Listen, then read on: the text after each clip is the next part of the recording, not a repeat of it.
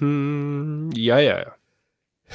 Er, eh, er veldig nervøs oppe i nord nå, dere oppe i nord, som er så nært Russland? Nei, ikke mer enn sør. Eller? Jeg vet ikke. Jeg vet ikke, vi er ganske nært Evenes. ja, har de, som har de nye eh, jagerflyene og de her nye de har, de har jo tatt levering av de nye Det er jo et solklart target. Er ikke Brigade Nord i Harstad sentrum òg? Er det ikke bare for russerne å teppebombe hele Harstad, byen? Harstad og Evenes er superboned hvis han Putin eh, begynner å trykke på den store røde knappen. ja, det er ingen som kjøper jod her, fordi vi er midt i eksplosjonen hvis det Er det ikke mulig å oppdrive jod i Oslo? U uansett, i tilfelle atomkrig, så er det bedre jo nærmere du er sentrum av eksplosjonen, for da er det bare, da er det bare god natt. hva er greia med den joden? Jeg tror folk at det er sånn solkrem? Det er bare å spise jod, og så kan bare atombomba sprenge borti nabolaget? Jeg tror det. det er, du bare dekker kroppen din med jod. Jod, jod. Hva, hvordan uttaler man Den har samme funksjon som metalldetektorer på flyplassen. Ja, Ja. nettopp. Ja. ja vel, er vi rett på innspilling her? Vi er i innspillinga, Lars. Tror du visste Det, det? det, men eh, øh, Jeg var ikke nervøs før liksom alle begynner å skal samle på jod. Hva er det for noe? Shut the fuck up, folkens. Tenk ikke jod. Det gjør meg bare nervøs. Og så skal alle drive og, og eh, kuke med Russland nå. Det er greit nok. Eh, stopp de her skiløperne, og kan gjerne kuke litt i Formel 1. Alle landene sender nå hjelmer og pizza og internett til Ukraina og bombe og sånn. Men liksom, det må finnes en grense. For hvis vi gjør Hvis vi isolerer Russland nok, så blir det som Japan før andre verdenskrig. Plutselig så de føler at eh, OK, nå bare går, gå ut i krig. Nå går vi til verdenskrig, tenker de. Og da er vi fucked. Men Japan isolerte vel seg sjøl? Ikke snakk ned om Japan. Japan og Sony er viktige sponsorer av uh, alt vi holder på med. Jeg så siste nytt før vi begynte innspillinga, var at uh, det er en russisk professor som sier at han Putin har sendt familien sin til sånn super underground uh, bunkerkompleks i Sibir. det, det lover jo kjempebra. Ja. Det er jo heavy. Altså, endelig er korona over, så er det rett inn i verdenskrig. Mm. Jeg liker, jeg liker den uh, kommentaren til han Charter-Svein og de der, med at den her Ukraina-konflikten er bare deflection for å ta oppmerksomheten bort fra covid og vaksine. Det syns jeg er en helt magisk hot take, Herregud, vil jeg bare si. Ja, jeg, jeg er litt lei, meg å innrømme det. Jeg er litt lei meg. Jeg kjente jeg, jeg kjente jeg ble deprimert etter første nyhetssending om eh, den offisielle invasjonen av Ukraina. Det, Det er, det er jo ikke noe jeg gøy å syns så se. synd på de som bor der. Ja, man blir jo litt oppmuntra av å se hvordan de herjer litt i sosiale medier og gå og holde opp moral og kjempe en sånn informasjonskamp. Der gjør ikke Putin det så bra. Nei, Putin er jo en sånn derre ordens fyr som er kompis med Steven Segal. Det skulle jo ikke mangle at han ikke har Han har så enorme, svære bord. Kule ting. Så enorme, svære, lange bord. Det han alltid skal lange, sitte alene. bord, ja. Ja, hva faen? Han og Trump bør bare gifte seg og eh, flytte til månen, liksom. Get over ja, jeg støtter det, faktisk. Tror det hadde vært bra. Men uh, hva ellers har skjedd siden sist, karer? Vi er i episode 399 i 92. Jeg heter uh, Jon Jesus. Cato, og de to andre er uh, En heter Mats. Hallo? Hallo. En heter Lars. Og Lars har akkurat hatt uh, noe som ligner på korona. Ja, jeg er fremdeles litt dårlig. Jeg har knaskepille, jeg har Paracet, jeg har eh, nettopp tatt nesespray, jeg har en øl klar, så jeg skal blande drugs og pille og alkohol. Ja. God kombo, det. Har du, eh, får du lov å være sjuk i jobben? Har ikke du sånn, der, eh, er du sånn arbeidsgiverkontrakt, så du har ikke sjukedager og sånn? Jeg har ingenting. Nei. Min kontrakt er Den er bare et, et stykke gråstein hvor det står 'We own you', står det på den. Ja, men eh, du er fri, begynner å bli bedre, eller er du sjuk fortsatt? Er det korona? Lytterne lurer jo. Jeg vet ikke. Nei, jeg har testa meg syv ganger eller noe sånt siste tolv dagene. Nei, Du testa deg i halsen og sånn? Testa i halsen, ikke testa i ræva. Nei. Halsen og nesen. Det er litt interessant, fordi um, jeg er også litt sånn småsyk. Og jeg, Ja. også, jeg tester meg i dag i halsen og i nesen, alt. Men jeg er jo Nesa først, så halsen. Det er så jævlig å teste i halsen. Jeg begynner bare Åh! Åh, åh, åh, åh, Eh, jeg Ja. kan melde om at både mudder'n og faderen har korona nå, for så vidt. Ja. Mm. Så uh, jeg tror det bare er tidsspørsmål. Har du fått samtykke fra dem at du kan dele helseopplysningene deres med, med Ja, jeg snakker han, Faderen står faktisk her, han står og nikker nå. Ja. men- Jeg ser det jeg ser det her på kamera. Ja. eh, ja, Tommel opp. Nei da, så eh, Da bør jo du også få jeg det, med- da, Mats. For de er Jo ikke da, altså, sånne, tenker- du har ikke sånne antivakserforeldre. Nei, nei, nei. Um, jeg tror mødre har fått fire doser eller noe sånt, for hun har litt nedsatt uh, immunsystem pga. en sånn yeah. uh, transplantasjon. Mm. Så uh, ja. Men det går, jeg syns det går overraskende bra med de. Faderen er i uforskamma bra form. Ja, men så var det moderen òg. Moderen, alle gamlingene vet om de bare «Jei, det er ikke så farlig. Og så er det alle de litt yngre på jobb og sånt. De unge der, det er jo de som var mest sjuke. Det er kjedelig. Tenk hvor mange gamlinger som nå blir sånn der eh, antivaksere. For de bare 'Det gikk jo helt fint. Hadde det jo'. Jeg må jeg må 5G og Bill Gates og ja, Det er bare den rekrutteringskampanjen fordi de ikke blir så sjuke. Ja, tenk at det skulle bli mer koselig å snakke om korona bare fordi det er sånn Ukraina-krig. Ja, Bare klamrer vi oss til vi hadde det når det var korona, for det er faktisk eh, det, det som har skjedd siden sist med meg, handler litt om fordi jeg hadde verdens mest hektiske helg. Jeg har vært på to restaurantbesøk, vært på bar, vært på disko, vært på symfonikonsert, vært på kino, vært i barnebursdag. Så hektisk. Jeg har ikke slappet av et sekund den helga. Jeg må innrømme på søndag så tenkte jeg Herregud, jeg savner korona, når alt, ingenting var åpe og vi bare satt hjemme hele helga. Det, det skulle, så lang tid tok det før jeg ville tilbake til lockdown. Ja, men du må bare huske den, eh, den gylne regelen, eller den gylne deiligheten, som er å kansellere planer i siste liten, og heller bare være hjemme. Ja, men da kan du prøve å gifte deg og få unger, og så bare si Nei, bare dra dere i den barnebursdagen. Jeg avlyser, blir hjemme. Hva er galt med det? Spille Elden Ring. Ærlighet varer lengst, Jon Cato. Ja, ja, ja. ja, ja. En, da, da, det går hånd i hånd med ensomhet. Da. Det varer år lengst. Ærlighet og ensomhet. Nei da, det, gjelder- det er jo vel en sånn balansesak. Mm. Det er det. Men det var, det var, det var en sjukt hektisk helg. Det var jo morsomt òg, da. Men uh, man blir jo Jeg liker jo å bruke helga på litt sånn egentid. Uh, lade batteriene. Jeg må innrømme, det var hardt å dra på jobb på mandag. Da trengte jeg en helg til for å komme meg før, uh, før jobbuka. Det er krig, folk bombes og drepes i Ukraina. Yokato har det helt forferdelig, måtte på to konserter og barnebursdag. Ja, det finnes eh, Du trenger ikke komme med sånn whataboutism hele tida, Lars. Jeg var syk i helga, måtte på møter hele tiden, jobbe What about me? Ja, men du, du sjøl som har valgt å bli sjuk. What? Min er det teori er det er bare svake folk som får korona. Bare oh, svake Jesus. mennesker. Jeg har ennå ikke hatt det. Jeg kommer ikke til å få det heller, fordi jeg er en übermensch. Hvem er det som har vært mest på sykehuset her det siste halve året? Mm, vet ikke. Eh, Halve året jeg har ikke vært på for lenge. Ok, La oss utvide det til ett år. Ett år. Jeg Eh, nytt, eh, derimot, ut av denne Ukraina-konflikten. ja. Og det er at han, eh, han der eh, Vitali Klitsjko er borgermester i Kiev. Det var jeg ikke klar over. ja, ja. Han tidligere tungtvektsbokseren som liksom var helt rå. Han er sånn UFC-ting òg, eller bare bokser? Jeg tror ikke han har vært i UFC, han, men han var tung, tungvektsbokser. Og jeg tror han var sinnssykt god. Og så har han på et tidspunkt blitt borgermester i Kiev.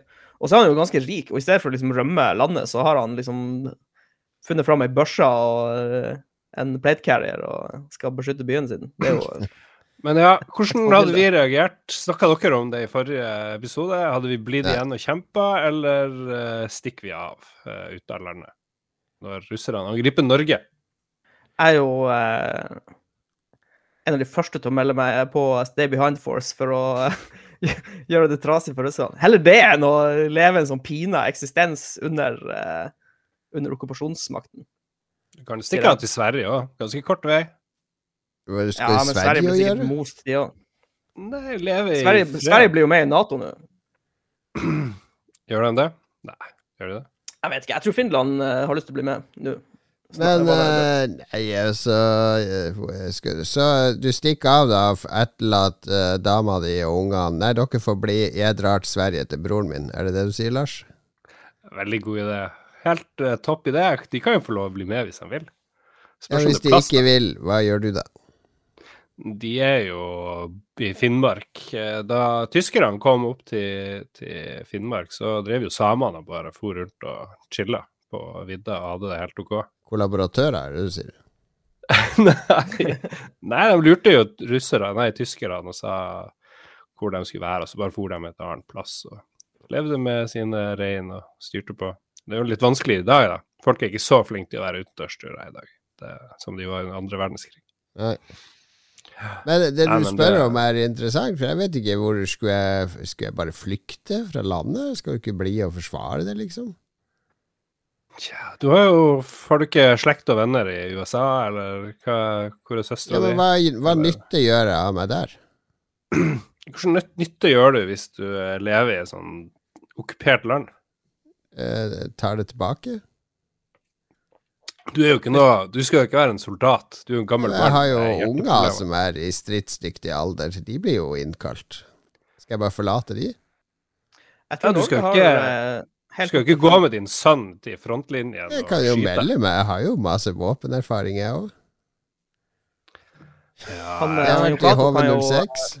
Jon Cato uh, finner seg i børsa og flyr ned til Barcode og sitter oppe i tolvte etasje. Og... Ja, ja, ja. Nei, jeg hadde Herregud, jeg er jo 50 år gammel. Hva er det jeg skal flykte for at jeg skal oppleve? For at jeg skal oppleve senilitet, uh, ufrivillig vannavlatning, uh, kjenne på at kroppen bryter sakte, men sikkert ned. Da kan jeg heller gå ut med et smell og ligge og snipe russere fra Barcode. Eh, få ned 20-30 russere før de bomber meg sønder og sammen, og så går jeg ned i flames. Det er jo mye kulere måte å ende mitt 50 år lange liv på enn å bare visne hen. Jeg må, jeg må flykte til England, så jeg kan sitte, sitte i, i, nede i et sånn råtten flyktningmottak i to-tre år og ha livet på hold, mens andre er hjemme for å prøve å redde landet mitt. Fy faen, for en samvittighet, Lars. Du skal sitte i Sverige hos bror din og se på Slegerparaden og Eurovision og, og tro at livet går som normalt, og dra og handle på Ullared og Herregud, landssviker! Det er det du er. Quisling! Jeg blir jo lat som at jeg er svensk. Det blir jeg. Hei, alle i hop! Ja, jeg er født her i Ja, ja, Skaune. ja. Det blir første, det kort- første som skal opp i galgen når du prøver å komme tilbake etter vi har befridd eh, Norge. Det er veldig brutalt, men jeg har vært og, de, eh, som journalist i en uh, flyk, ikke flyktningleir, men i et flyktningmottak. Ja. det. Det er ikke Det, nei, det er veldig kjedelig, da. Men jeg er sikker på at uh, uh, somaliere blir behandla mye dårligere i Norge enn uh, nordmenn ville blitt, blitt behandla i Sverige. Det tror jeg. Så vi har sikkert fått litt bedre oppfatning, dessverre. Det er jo Ja, de putter deg inn i de samme mottakene som alle andre som de tar imot. Så at, det, det, hvorfor skulle de forskjellsbehandle det? Nei, fordi vi er hvite. Det er derfor det de derfor? blir forskjellsbehandla. ja. Oh boy. Vi er gikk rett dit. Ja, det er jo realiteten, er det ikke det? Det er jo flere sånne. TV Eller et par sånne kommentatorer i aviser og TV som allerede har tråkka i salaten med å si at dette er den første krigen på, på siden andre verdenskrig mellom siviliserte nasjoner, liksom. Ja, jeg så det der. Det er ganske drøyt å si. Det har jo vært konstant krig siden andre verdenskrig. Ja, ja, ja, men det er bare med sånne barbarer fra Midtøsten og Mellom-Amerika og, og sånn. Nei, herregud, så dumt å si. Nei, Lars, nå, du må bli og kjempe. Mats, du må rekruttere han til eh, Jeg vet ikke om jeg blir å kjempe, men hvis jeg blir det, kan du jo prøve å være journalist, selvfølgelig. ja, Du kan jo jobbe for. Lære deg russisk og jobbe med propagandaen deres. Du har jo sånne Facebook-kurs og sånn, så du kan jo bli en del av trollfabrikken til Putin. Jesus. Det var ikke en del av faget jeg har tatt. Trollfabrikken til Putin. Ok, det er, vi må ikke bli så engasjert. Vi håper at krigen ikke kommer til Norge. Eh, Det, Ja. det må vi jo innrømme. Jeg bedt om innspill fra lyttere, så vi kan eh, få mer eh, gloom and doom senere. Ja. Ja. Vært dårlig Lars, vært dårlig en uke, what the fuck? Var det, det alt du har å by på i spalten? Ja, jeg har, jo, jeg har vært dårlig, med det jeg jobba hver eneste dag, inkludert Oh. begge helgedagen. Oh, fremme fiolinen. Ja, så jeg har dessverre ikke vært på sånne eh, utrolig slitsomme konserter og sånt, eh, sånn som andre. Det har jeg ikke. Men um, det har ikke skjedd en drit. Spilt, spilt en del ting, da. Det har jeg gjort. Ja. har sett Beverly Hills Cop 2. Det holder seg ikke bra. Du har jo Eh. knallhard samisk kjæreste. Får du mye sympati? Nei, veldig, veldig lite. Ja. Og så har jeg sett Devil Wears Prada. Den drar jeg frem i tøffe stunder. Det det er liksom In case of emergency, break glass, og så er Devil Wears Prada inni i glasset. Yes. Yippee-doo. Emily Blunt kan jo hun heter Bare dame, denne filmen. Men er det, Det gøy, er det ikke gøy å være Mm. sjuk og bare chille og ikke trenge å jobbe og sånn, eller må du jobbe? Jeg mista lukte- og smakssans i helga, det glemte jeg å si. Ja. Det, da, da tenkte jeg oi, nå er det coronas. Men Ja, det eh, det varte bare i to dager, og så er jeg tilbake. Jeg vet ikke hvor lenge man skal miste. For det kan man jo gjøre med vanlig forkjølelse òg, kan man ikke det? Hvor lenge skal man miste Men det var sånn, det var helt sykt. Det var bare sånn pop, så smakte ingenting noe. Det var, det var bare sånn en bryter som Ja. switcha på. Hm. Veldig weird. Weird. Hva med deg, Mats? Nei, ikke så mye. Jeg har vært eh, mye inne, jeg har vært mye dataspilling. Og så har jeg fulgt med på konflikten. Ja. Det er jo egentlig det er litt fascinerende hvor mye informasjon som ligger ute på internettet om konflikten. Alt fra Twitter-meldinger til det der Conflict Map, hvor de samler, samler alt. Ja. Så det må være ganske mye Jeg tenker for, eh, for en invasjonsstyrke, det må jo være gigantisk hodepine når du har eh, flere hundre tusen av eh, reportere med en mobiltelefon, e egentlig, Så bare kan filme. Ja, Her har du satellitter og andre ting òg, Ja, ja. så du kan jo følge med på det meste. Så det, men det er jo, i dette tilfellet er jo det bra, da, at, at bevegelsene til russerne blir så godt dokumentert. Så kan de ja, gjøre det lettere for ukrainerne å forsvare landet sitt. Så jeg håper jo, håper jo det går så bra det kan for Ukraina. Har du noe for seg? Jeg husker jeg var i militæret, alltid beltevogner og sånne ting. Parkerer de ute i skogen, så må du ta på deg kamonettet. Har det noe for seg med dagens satellitteknologi? De klarer jo ikke å skjule noe som helst bak det der kamonettet lenger. Lars, du var jo beltevognsjåfør. Ja, jeg dekte både beltevogner og lastebiler med sånn kamonetting. Jeg, Jeg jeg måtte sette hvis opp flyr sånne pinner og sånne ting. Ja, det gjør det jo vanskeligere for Det gjør det vanskeligere, ja. Men problemet er at da har du jo, da har du jo nådd posisjonen du skal være i. Problemet her er at de skal jo forflytte seg inn i, til Kiev, og da, for å gjøre det raskest mulig, så er de på motorveien. Eller De kjører svær kolonne, men det går ganske treigt. De har glemt eh, Det er mye bompenger og sånn, så de har glemt vekselpenger. Så de kommer de står fast i noen sånne bommer, har jeg skjønt. Jeg tror det står, det står ca. 60 km med lastebiler og panserkjøretøy nå. Herregud, så kjedelig. Å sitte i de. Åh. Jeg husker da vi kjørte på de- Nato-øvelse i nord. Da kjørte vi kolonne i syv timer. Så også har det kommet frem nå, er at eh, de fleste kjøretøyene til russerne eh, opererer ikke med GPS. Så de ja. har, de har kart og kompass, liksom. Så når de driver og tar ned skiltene langs veien, så sliter faktisk russerne litt med å, med å navigere. Nå er det jo sikkert lett da når de er på, på veiene, da, men Ja. det, det er litt fascinerende at en, en her i 2022 ikke bruker GPS på infanterinivå, liksom. Det, ja, det er litt interessant. Jeg tror egentlig mange har liksom fått opp øynene for hvor, hvor svakt militært Russland egentlig er. For de var jo lenge rangert så nummer to militært i verden, men jeg tror, jeg, jeg tror de blir Har ikke. Russland et bruttonasjonalprodukt på størrelse med, med Italia? Italia. Liksom? Ja. Jo, de, bruk, de bruker ikke så mye penger på militæret, men de har hatt et veldig stort militære. Altså mye Det er bare en illusjon. Alt i Russland er en sånn illusjon av styrke. Ja, det er jo det. Og nå er det jo åpen... Nå kommer jo sannheten frem, Ja. når du ser hvor dårlig det går i første Er det noen som tror at eh, Putin har noen sånne elitestyrker i bakhånd? Det tror ikke jeg på. Ja, men jeg tror faktisk det er gammel sånn sovjetdoktrine å sende inn rælet først. Altså de vernepliktige, 18-19-åringene, de som ikke kan noe. Du sender jo selvfølgelig de inn først. Hva de har å tilby. eh, Ja, de gjorde her- det i andre verdenskrig òg. Ja. Men det, det, jeg leste en som sa at det eneste eh, Vesten eller EU, EU trenger å gjøre, er å tilby statsborgerskap i EU-land til alle russiske soldater. Så vil den hæren være dismantla på under et døgn. Da vil alle de soldatene komme Ja, jeg vil gjerne, gjerne bo i Tyskland, takk. Nei, det tror jeg var tull. De er jo stolte over landet sitt. Glad Det var en russisk dame som sa det her. Wow. Jeg tror, um, jeg tror ikke Jeg tror de yngste tror jeg ikke har veldig lyst til å være i Ukraina, for å si det sånn. Tviler. De, eh, jeg tror det er mange som bare har fått beskjed om å, om å dra. Også. Det er sikkert mange som ikke har vært klar over de har kjørt over ei landegrense en gang, før de har. Det er jo jævla svært land, ikke sant? Også, det er jo, Mm. det er jo sånne sinnssyke avstander i det landet. Ja. Ja, Nei, men Det er en tragisk historie for Ukraina. Det er tragisk at det her skjer igjen. Eh, For de som husker verdenshistorien sin, så var det jo også Stalin sitt store landbrukseksperiment eh, var jo i Ukraina. Når han fikk makta, det resulterte jo at syv millioner mennesker cirka sulta i hjel i Ukraina under Sovjet fordi de tok all maten.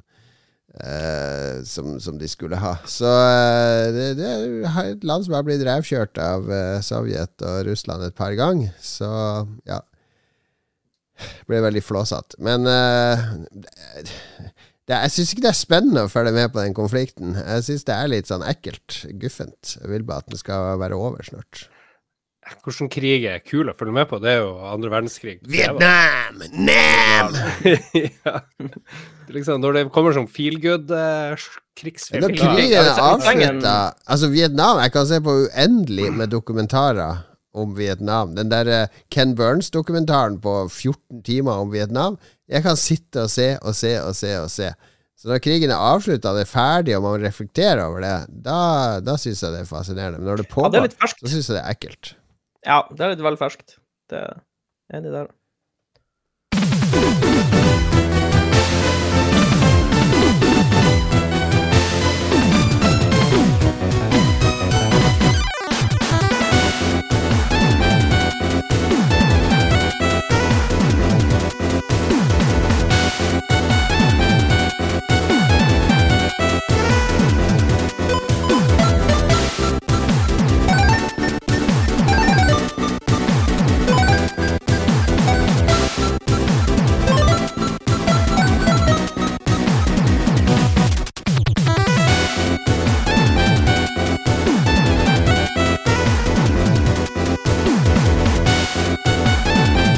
Jeg måtte bare finne navnet på sangen, og det som tok så lang tid. Det var Blaster Master Zero nummer tre.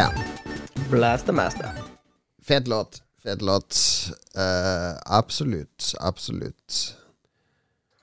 Det er sånn triks når du ikke helt vet hva du skal si neste gang i podkast. Det er bare gjenta ting hele tida. Bare gjenta. Gjenta det. Det, det eldste trikset i boka. Vi skal snakke om hva vi har spilt i det siste. Altså, jeg skjønner at vi kan ikke slippe denne episoden før klokka 15.00 i dag, eh, onsdag. Eh, Lars, det er noe embargo-skit der. Ja, det er noe klokkeslett. Jeg vet ikke helt når, men du har kontroll. Jeg har spilt Jeg har ikke kontroll, jeg har ikke fått Gran Turismo, så her må du ha kontroll. Jeg overlater det her til deg. Jeg hadde putta den ut i natt, hvis eh, Jeg kan godt gjøre det, så bryter vi embargo, så må du stå til ansvar. Du må finne ut av dette. Embargo med her og embargo med der. Jeg skal vi se. Det står uh, i ulike tidssoner uh, Sentral-Europa klokka tolv. 2. mars. Tolv? Ja, 12 CET. Central Europe. Ja. Eh, London klokken 11. Sentral-Europa klokka 12. Ok, ja, da får vi prøve å slippe den klokka tolv, da. Så det er Fordi det spillet jeg snakker om, er uh, et sånn bilspill. Og nå må jeg be deg når du snakker om det her, Lars. Folk har bedt innstendig når du snakker om dette bilspillet. Ingen spoilers. Jeg skjønner Ridge Racer. Nei, jeg spilte Gran Turismo 7, som jeg ikke visste skulle komme Jesus før sånn ikke- her om jeg har ikke dagen. hørt et pip om det spillet her. Ja, det har vært masse hype om det spillet her. Blant annet har jo Nei. Fanatec, som lager de beste rattene til PC. De har jo laga et eget Gran Turismo 7-ratt til eh, PlayStation. Koster jo, tror jeg, 10 000 spenn, eller noe sånt. Eh, Christ. Skal jeg si dere det som gjorde meg litt sånn eh, Begynte å lure litt. Hva er det som skjer her? Det er at i starten av Gran Turismo så må du sitte igjennom, og jeg kødder deg ikke, ti minutter med video som du ikke kan hoppe over, avbryte eller noe.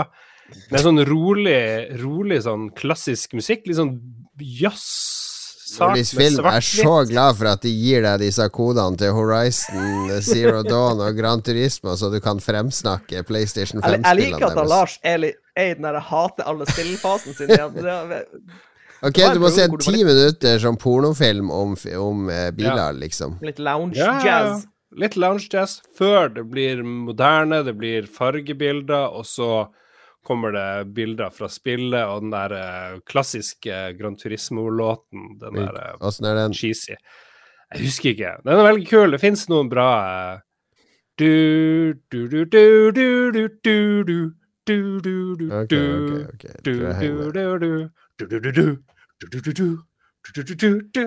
Ja, ja, ja. Får du lov å spille, da, etter alt, eh, alle disse ja. Ja, får du lov. Eh, du blir kalt inn til Må du da begynne med en eh, uh, Masta fra 1989, liksom? Sånn der konebil? Eller ja, er det lov å si konebil fortsatt? Nei, det går ikke an. Det var mellom tre små japanske biler. En Toyota, en Nissan og en eh, Rett på godsakene, altså.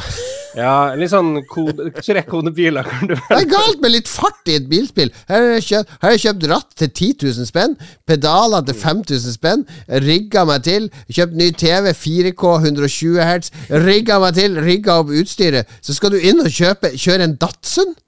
En Ja, det er Nissan? sånn det. Ja, det er standard. Det er jo en hån! En hån mot meg som gamer. Ja. Det som, er, det som er nytt denne gangen Jeg vet, jeg husker, jeg husker jo ikke hvordan de forrige spillene har vært, men du, du bruker mye tid på kafeen. Det er en sånn der etnisk stereotyp eh, fyr som eh, har kafé. Hva, kafé. be- hva betyr det? En sånn greker eller italiener eller noe sånt. Hello, come into my shop! Eh, Og så er det sånn jazzmusikk og What a cool car you have outside! Have you paid at parking? Ja, så, så får du masse bøker eller menyer, og første boka har de tre små Please read this book! Så, skal, så er oppgaven din å fange catch them all. Det er litt sånn Pokémon-aktig. You got to catch them all! ja. Så, så første oppdraget, få, få tre biler. Du kan enten kjøpe dem, men det er lett sted å kjøre de reisene han vil at du skal kjøre. Og så får du dem, og så. Og så med andre menyen, da skal du inn i den der jævla eh, bilskolen. Da, da kommer den der eh, license Kommer det en sånn eh, etnisk, en sånn tysk driving instructor Please see, fasten your seatbelt, yes, before driving. Det er en etnisk amerikaner, faktisk. Ah. Pløsen. eh, Buckle up, buddy! We're going for a ride! Ja. Så det første du skal gjøre, hva er det i, uh, i license-test i Gran Turismo? Noen som husker det? Skal kjøre mellom sånne Take your fucking pants off! Er det det?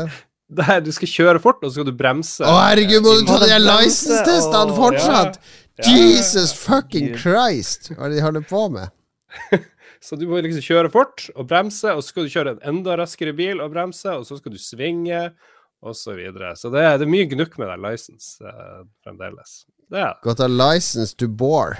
Er det det Så de det er akkurat det samme Det er akkurat det samme som før. Jeg klarer ikke å se noen store forskjeller.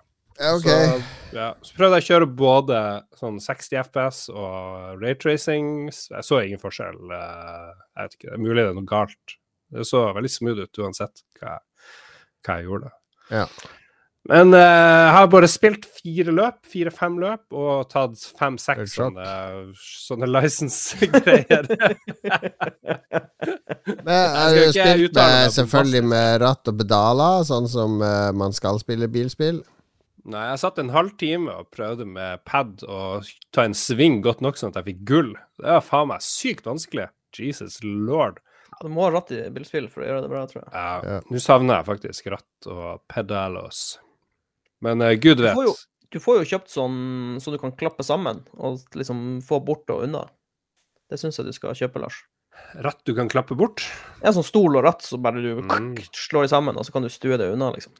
Ja, jo mer du kan klappe det sammen, jo dårligere kvalitet er det som regel. Så det er bedre å ha en sånn full rigg så du kan bare bære, bære inn på soverommet når du ikke bruker ha et hjørne.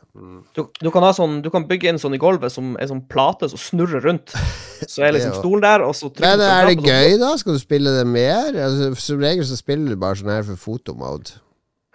uh, jeg, ikke, jeg drev og tenkte på det. Det er god stemning. Den der, eh, det er jo den samme musikken bestandig. Sånn du, du, du, du, du, du, du, du. Ja. Den derre jazz, kafé-jazzen. har du noe for seg i forhold til f.eks. Forsa? Jeg vet ikke, jeg har ikke spilt, Motorsport? Jeg har ikke spilt Forza Motorsport på en million år. Jeg aner ikke. Jeg vet ikke, jeg kan ikke noe med bilspill. Jeg er helt feil person. Hvorfor vil å teste det Jeg som har ratt og pedal og simrigg til 25 000, hvorfor er det ikke jeg som har testa der? Ja, jeg, helt, jeg stiller også spørsmål med dette, Lars. Ja. Jeg Jeg stiller spørsmål ved din dømmekraft når du får den koden, din vurderingsevne.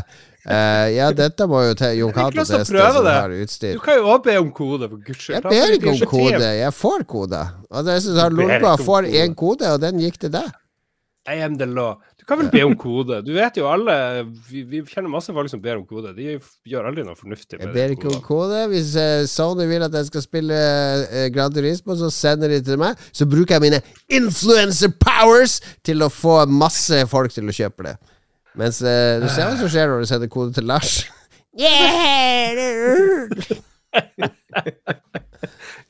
Jeg har spilt min halvtime. Jeg syns det holder lenge. Det er-. Jeg skal se, kanskje jeg spiller mer, men jeg skulle hatt ratt, da. Det skulle jeg gjerne. Er det, er, det, er det noe som er nytt i Gran Turismo 7 som ikke de andre spillene har? Jeg har gjort null research, jeg har ikke peiling. Hva som er Fordi nytt, eller- det, det jeg husker Jeg spilte dritmye Gran Turismo 1 i militæret, og da husker jeg når du hadde liksom Når du hadde fått det beste scoren på alt, så var det liksom Du var på en måte ferdig med spillet da. De feirer 25 år. Uh, the theme er The allure and culture of car, cars. Det er kultur. Mye, de introduserer en ny kafeen. Kafeen er ny. Yes! Eh, Akkurat det var det jeg følte jeg mangla i Gran Turismo. jeg leser nå brevet fra Kasunori Yamauchi, som har sendt til meg. Har han sendt brev til deg i posten? Ja. Ja. 400 Men- car models, 90 tracks, variations. Ja, er det, er det en damage-modell på bilene? Eh, Det usikker. kommer Men det aldri å som skje. er Det kommer aldri til å skje. Men det er et nytt minnespill. Du får ikke Det lov å bruke de offisielle Nei, det er bilmerkene hvis du skal Det smadre de. Jeg kom på noe nytt. De har en sånn rally-mode som er at du må spille så lenge musikken går. Uh, og hvis du klarer å spille til sangen er ferdig, så har du vunnet, eller et eller annet sånt. Så jeg fikk høre sånn tysk Ja, eller det spilte sånn her tysk opera-orkestermusikk som han måtte kjøre til eh, rundt banen. Og så, hvis jeg holdt på å gå tom for tid, så begynte musikken å gå saktere og sånt. Og så kom jeg til en checkpoint, Ja. og da fortsatte musikken. Det var nytt. Jeg vet ikke om jeg blir å prøve det på nytt. Det Det, skal også være sånn at skyer og sånn ser ut eh, som sånn som på det stedet du er. Vær og sky og lys skal være Det er forskjellig i Sør-Frankrike enn det er i England eller i Ta eller Japan, eksempel. Leste noe sånn Ja. detaljgnukkeri eh, av en annen verden. gnukk like a motherfucker. Ja, ja, ja. Nei, men uh, uh, jeg, jeg orker ikke å kjøpe det, tror jeg. Nei, det er den som får folk til å kjøpe Nei, jeg, færre jeg kjører jo mye Formel 1. Det er det jeg liker. Jeg liker Formel 1. Fulgt med nå. Det er jo preseason nå. De har jo vært og testa de nye bilene i Barcelona. Det var jo ikke noe livestream derifra, men det har vært noen sånne recaps på FN TV fra din teste de nye bilene. Det følger jeg med på. Kjøre Formel 1-spillet. Og så jeg innrømme at å kjøre en gammel Nissan og kjøre 200 meter og brems for å få et sertifikat det høres ut som en waste of time, rett og slett. Jeg vet ikke hva jeg skal få ut av det her. Ja, det du kan gjøre, er å slå han eh, Gjøre som meg, slå stien til han Ståle. Ståle Ballvinsson. Han har også fått det her spillet. Ja, Ja, Ja, da blir det litt mer interessant. Ja, det er litt gøy, for nå ser du med en gang vennene dine sin tid. Men det gjør det i alle bilspill, så jeg skjønner ikke Jeg kan gjøre det Jeg gjør jo det i Formel 1. Der konkurrerer jeg jo mot vår venn Tore og Ruben, som også kjører de samme banene. Så hvorfor skal jeg gjøre det i Gran Turismo? Du kan 400 europeiske biler. Ydmykende Ståle, Jon Cato. Ja, nettopp. Nei, det gidder jeg ikke. Et fantastisk spill, terningkast seks fra meg. Takk til Sony, vår store sponsor. Veldig bra. Hva med det, Mats? Jeg har faktisk spilt sykt mye den siste helga. Ja. Jeg vet ikke hvor mange timer det er, men jeg har spilt, jeg har spilt my mye Destiny 2. Det kom jo uh, Expansion-packen uh, Witch Queen kom jo på tirsdag. Ja. som er mer eller mindre nøyaktig en uke siden. Trodde du Eh, skulle jeg spille Elden den. Ring. Og så har jeg spilt veldig mye Elden Ring. Eller ganske mye Elden Ring. Men jeg har faktisk spilt mer Destiny 2 eh, Ja. enn Elden Ring. Og det er fordi første uka av Destiny 2 så er det kom, Spill gjennom kampanjen, gjør powerful, gjør pinnacle, maks ut gearet uke én. Det, det er min Destiny-ting hvis jeg er hjemme og tilgjengelig. Så ja, spilte jeg gjennom kampanjen på legendary mode. Uh, var overraskende vanskelig. Eh, forfriskende vanskelig, faktisk. Mm. Det var, fikk nesten litt sånn uh, Jeg vet ikke, litt sånn raid-vibber. For det var daua masse, jeg måtte tenke litt over hva det er jeg gjør feil. Spilte Eh, du solo, da? spilte alene, ja. Yeah. Så Det det var skalerer eh, jo hvis man er flere. Ja, men eh, Altså, ting har mer hitpoints hvis du er flere, men du har også ekstraliv når du er flere. Fordi hvis du dør, så kan du bli ressa, ikke sant? Når yeah. du er solo, så er det over. Da er du tilbake til forrige checkpoint. Så det er, det er forskjellig balansert, kan vi si, kan vi si da. Okay. Men, eh, men kampanjen var sinnssykt bra. Ikke bare var den utfordrende og vanskelig, men storymessig så var den Det var veldig, veldig bra delt opp. Eh, bra flyt, bra lengde. Eh, ja, jeg bare stor, er god variasjon. Da. Det er litt hopping, det er litt susing av gårde på pike, Det- det er beste, det, er litt beste- puzzles til og med. Ja, beste storybaserte Destiny 2 eh, Altså, eller beste Destiny 2 har vært på Og Destiny 1 har vært på lenge, syns jeg. Ja. Så uh, det fortjener all uh, lovnaden det har fått. Uh, så har jeg spilt litt eh, med kompisene mine. Spilt litt eh, Crucible og nye Strike og nye uh, sexplayer-aktiviteten. Wellspring. Eh, ja. Nei, eh, Destiny 2 Wellspring? Witch Queen lover bra. Hva er Wellspring? Det er sånn eh, Du har en sånn eh, Hvert hver eh, expansion pack så har du en sånn gruppeaktivitet, en ny gruppeaktivitet, som ikke tar så lang tid. Det er liksom ikke et raid. Altså, du har jo alltid nye raids òg, da, men det har ikke kommet ennå. Det kommer på lørdag. Eh, men så har du i tillegg en sånn bare en sånn her eh, 15 minutters aktivitet, da, hvor du kan grinde ut våpen, rett og slett. Så det er bare Det er to moduser. En hvor du skal angripe, og en hvor du skal forsvare. Så får du sjansen for å få sånn våpen på slutten av aktiviteten. Mm. Og ja, vi har glemt å nevne Det har kommet noen nye ting, da, til de som faktisk er interessert i Destiny 2 og ikke vet hva som er nytt, så er det um, weapon crafting i spillet nå. Nå kan du lage våpen Du lager våpenet fra scratch, og så velger du alle traitene. Og så har våpenet du lager, et level. Så kan du levele opp våpenet, og da låser du opp flere traits i hver gruppe. da. Så du kan egentlig forme det spesifikke våpenet akkurat sånn som du vil ha det. bare med å Du bruke Du leveler opp våpen ved å bruke de. Så Mm. um, ja, det er, kul edition. Og så har de gjort om på Det er mye de har gjort om på. Men det er, Ja. eh, jeg har sagt det før, jeg sier det igjen, Destiny 2 er på beste det har vært noen gang. Ja, det er imponerende. Det er et par, det er et par ting som holder det igjen, som er sånne her uforståelige greier med det der eh, Begrensninga på de forskjellige ressursene er veldig lav. uh, og ja, det er sånn, sånn har det vært kjempelenge, og jeg vet ikke hvorfor de er så bitre på det. Det er litt fordi før så var det sånn at folk horda av sånne ting før det kom en expansion. Altså med en gang expansion men, kom, um, så kunne du trade inn, eller du, du fikk eh, Jeg husker folk som horda engrams, eh, exotic engrams. Hadde Ah, 30 yeah. stykk når en ny expansion kom. Og så, fordi når de da åpna de der, så fikk de eh, exotics fra den nye pool-uten. Så de fikk alle Ja. exotics med en gang, for eksempel. Men nå er det jo cap på engrams, og, Ja, og eksempel de ressursene du bruker nå, var jo ny. Var jo ny nå, så det er jo ikke noe du kan horde i den forstand. Men jeg, det, jeg tror det er noen gammeldagse greier, tanker som ligger bak de her eh, cappene de har, som er borte nå. Som ikke eh, trengs, rett og slett. Ja. Nei, jeg vet ikke. Glimmer har jeg alltid nok av å Ja. upgrade modules. Eh, og så har jeg spilt eh, ca. 15 timer Elden Ring, Ja. Uh, og det er et spill. Det, det har tatt uh, vår Harstad-vennechat med storm, må jeg Ja. si. ja, det er Eh, mange som alle har alle Og- hever seg på. overraskende mange venner av meg har begynt å spille det. Jeg Ja. tenkte at, jeg tenkte at det var meg og kanskje han Marius eh, som kom til å spille det, men det er drøss med folk som har hevet seg på. The power of my Aftenposten review! Alle leste i Aftenposten. Mm. Uh, jeg må si at uh, så langt er jeg veldig forelska i spillet, Uh, men for meg per dags dato så er det faktisk ni av ti, og ikke ti av ti.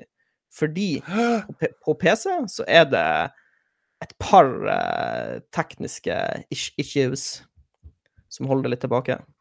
På PlayStation 5, ingen problem. PlayStation Litt janky, 5-versjonen- faktisk, der òg, da. Jeg tror ikke det er perfekt på noen plattformer. Nei, men uh, på PC så har de um, De har valgt å bruke DirectX 12, uh, og bare DirectX 12. Du kan ikke bytte mellom uh, det.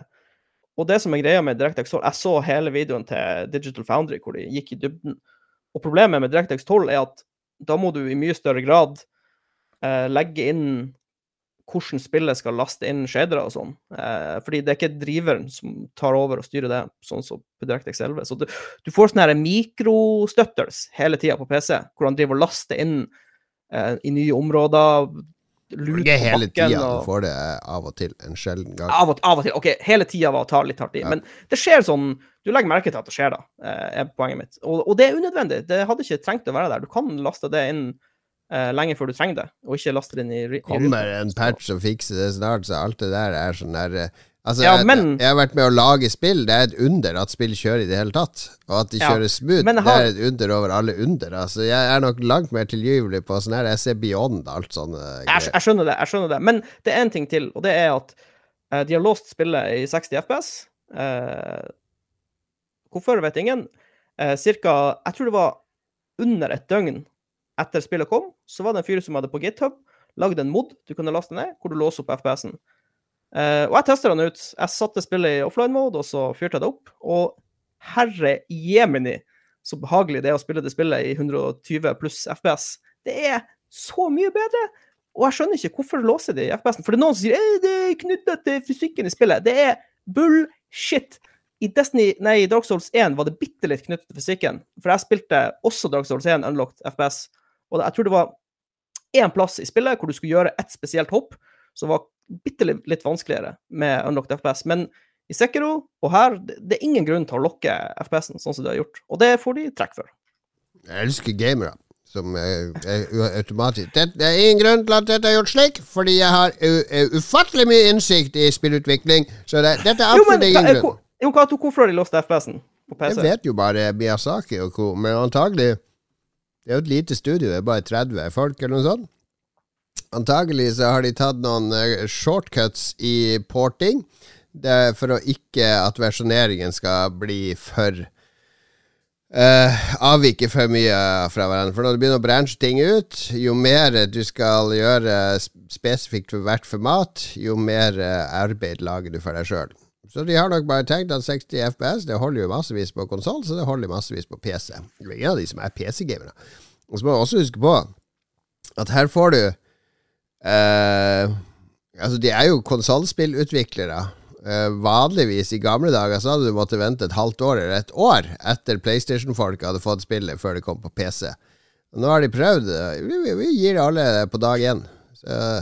Men når du ser liksom hvor, hvor lite arbeid han modderen brukte hvis, la, la oss si en softwareutvikler hadde brukt én arbeidsdag på å legge inn en option i menyen, hvor du kan velge mellom unlocked og locked, og det tar, denne, det tar en softwareutvikler åtte og en halv time eller syv og en halv time eller, jeg vet ikke hvordan det det, er med den online-koden og uncapped og sånne ting. Det vet vi ikke. Det er jo en gammel spillmotor de kjører. Så det kan være ting i spillmotoren, kommunikasjon og andre ting som som eh, Altså, kan være avhengigheter av den locked frameraten som vi ikke vet om i eh, undersystemet.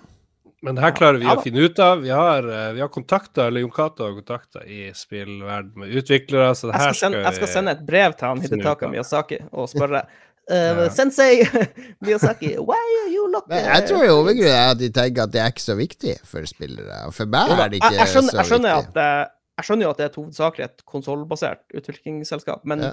det, virker som det er så lite som skal til, og så ville det gjort så mange glad. Så det slår meg som litt pussig, rett og slett. Men har jeg rett i at det her må være Det her er jo sykt mye lettere å spille det her enn alle andre Souls-spill. Jeg husker jo bare da jeg og du, Mats, satt med hver vår TV og spilte Bloodborne. Blood, ja, Bloodborne er det vanskeligste så langt.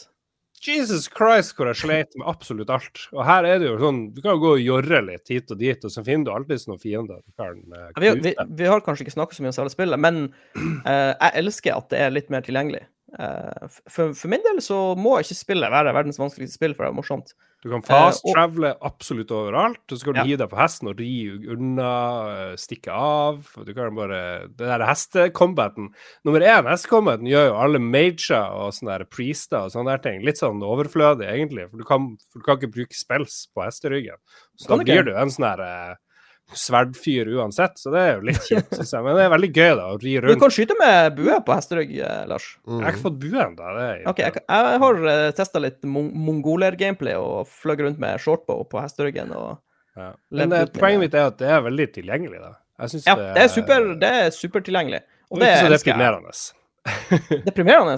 Det er ikke så deprimerende. Og det er ikke så deprimerende. Nei, Nei. nei, for det er en ganske fin verden de har lagd, med sånne store, åpne enger og vind som blafrer, og Og så er det Ja. vekslende vær og Nei, jeg elsker det så langt.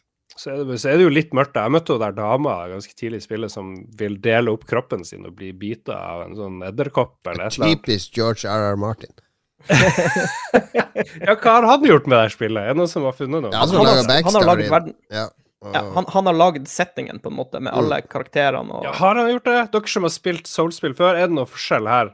Som dere tenker ja, her har George R.R. Martin brukt sin groteske Ja, Den backstoryen er litt mer konkret enn den pleier å være i Soulspill. Soul-spill. Eh, og den er litt mer sånn uh, gjennomtenkt, kanskje, uten at den er altfor overforklarende. Det er en slags uh, Ringenes herre i, eh, i eh, bak, baklengs Ringenes herre med elder, elder gods og eh, fucked up uh, body dysmorphia. Jeg vet ikke. Det var Ja, det var Ja, hva er Elden Ring? Det lurer jeg fremdeles på. Det var, Elden Ring er jo hoved, hovedmasterringen, liksom. Turboringen. Hvis- Når du har The Elden Ring, så er du The Elden Lord, og du bare er kul Men det er jo, det er jo superkopi av Ringenes herre her, da. Eller en Jo, men her skal, du, her skal du sette sammen ringen, du skal ikke ødelegge Ja. den. Det er motsatt, Lars. Ja, det er gøy. Ja. Det Det er i revers. Nei, men det, det, er, det er et helt fantastisk spill, eh, men PC-versjonen holder det litt tilbake. Ni av ti. Ja. Jeg tenker, jeg syns synd på de som har hørt om spillet. 'Å, det her skal jeg kjøpe', og så er, det, så er det ganske vanskelig. Du må ha sett noen videoer, du må ha noen kompiser som kan Ja, men det som så- litt. Det, det, det som gjør åpen verden så perfekt, er at hvis du møter en litt tøff boss, så er det bare å drite i han og gå og gjøre noe annet. I stedet for i de klassiske Dark Souls-spillene hvor du av og til må ta bossen for å komme deg videre. Så her, her har du veldig mye muligheter. Ja, men jeg har Jeg, håper- jeg kompis håper bare folk innser at de, de må ikke ta den bossen en gang. De kan komme tilbake senere. hvis, når du, de hvis du går rundt og surrer Det er jo ikke sånn at det er ikke sånn kjempe Det kan være litt lett å gå glipp av at OK, du må følge de lysene fra den jævla, de jævla bålene, og da er du fucked de luxe, liksom, egentlig. Nei, jeg, jeg tror at hvis du Gå glipp av at du du må følge de lysene. Ja, det kommer sånn stråle som peker. Ja. Det peker bare til hovedbossen i Det står jo på kart, de peker jo på kartet òg. Hvordan skal du gå glipp av det? Ja, nei, jeg har en kompis som sliter veldig. Jeg skjønner ingenting. Jeg dør helt tiden. En kompis i anførselstegn Mm. som ikke skjønte at han skulle følge eh, lysene. Jeg syns, det, det er veldig balansert vanskelighetsgrad. Ja, det er jo bare å gjøre hva du vil, og så når det, ting peker, så peker det mot et eller annet viktig. Så du kan gå og prøve å ta det når du, når du vil. Altså, du, de peker jo Når du får stort kart, så er det sånne som peker mange, mot mange forskjellige ting. Men hva er greia med jeg, jeg er sånn her profet, jeg har to spills, skal egentlig ifølge basisstatene skal jeg bare drite i sånn fysikk.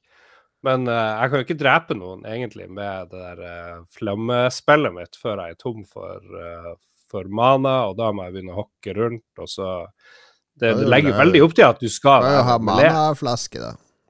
Jo, du kan få noen manaflaske, men jeg vet ikke. Jeg, jeg syns det virker veldig sånn rigga til Jo, at du tenk- skal fære rundt med sverd. Tenk hvor lett det hadde blitt Lars, hvis, hvis du bare kunne blæsta evig med spillene dine. Det er det som Ja, er litt poenget. spill så er OP mot mobs og sånn, men de er ikke så bra mot uh, bosser. Der er du litt avhengig av summons uh, som hjelper deg, som ulvene eller andre. Ja. Men du er får noen veldig kraftige spill etter hvert, Ja. vet jeg. Det får du òg, men uh, det, det, det er liksom motsatt som uh, Dungeons and Dragons. For det hvis du er mage, så er det dritkjedelig i starten fordi du har så lite power, mens på slutten så er liksom han warrioren bare en pingle fordi du har så enorme spells. Det er litt motsatt i Elden Ring. Du er veldig kraftig i starten fordi du kan blaste fiender med ett et knappetrykk 20 meter unna, så dreper du en fiender enkelt, mens du hele tida må gå rundt og risikere ting med dårlig våpen og dårlig utstyr med, med lei i starten. Men så mot slutten så er du ganske kraftig når du har oppgradert sverd og rustning og våpen og masse hit hitpoints og sånn. Og, Ja, og og ikke minst har slåss så mye at du har lært deg og finessene. Du har lært deg når du skal dodge, når du skal blokke osv. Ja, ja det var um, det, det jeg spurte om i forrige episode, eller det jeg på, hva det der Ashes of War-systemet. For det, var, det er også nytt, eh, Ja. og veldig kult. For det gjør at du kan du kan egentlig forme alle våpen om til den staten du vil ha, på en måte. Mm. Og finne en Altså, hvis du syns en spesiell animasjon er kul, så kan du bare slenge den på våpenet ditt. Så lenge det ikke er et sånn magisk spesielt våpen, da. Og det, ja, det syns jeg òg fungerte veldig bra. Med customization. Men eh, er Lorentzen, eh, som elska det spillet for en uke siden, er du like forelska nå? Har du slutta ja, å jeg spille? spiller fortsatt. Jeg, jeg har jo eh, masse, masse igjen. Oppdager nye ting eh, fortsatt. Jeg er jo ikke langt fra ferdig. Hadde du ikke runda spillet da du eh, Nei, det jeg leverte anmeldelse? What?! Aldri gjort. Jeg anmelder opplevelsen. Ja, det er jo ikke som å lese en bok, som må lese helt til siste side. Du skal anmelde en opplevelse. Det var debatt om det der. Hallo? Hvordan kan de anmelde Hallo? et spill? Hallo! Hvordan kan de anmelde et spill når de ok, ikke har spilt ok, alle restaurantanmeldelser, de har spist alle rettene på menyen. De har jo ikke det! Herregud. Du anmelder restaurantopplevelsen med noen utvalgte retter. Du anmelder spillopplevelsen. Du går inn i dybden i spillet, eh, ser på systemene, verden. Hva gir det meg? Og så bruker du nok timer i det til å gjøre en vurdering. Altså må jo, du må, man må jo tenke litt lengde på spillet. Hvis det er et spill som tar fire timer, så du gjør ferdig på en kveld, så spiller Ja. du gjennom spillet. Men dette er jo et massivt spill som tar ganske lang tid hvis du skal spille helt gjennom det. Så. Han spilte ikke gjennom Tetris. Elendig anmeldelse.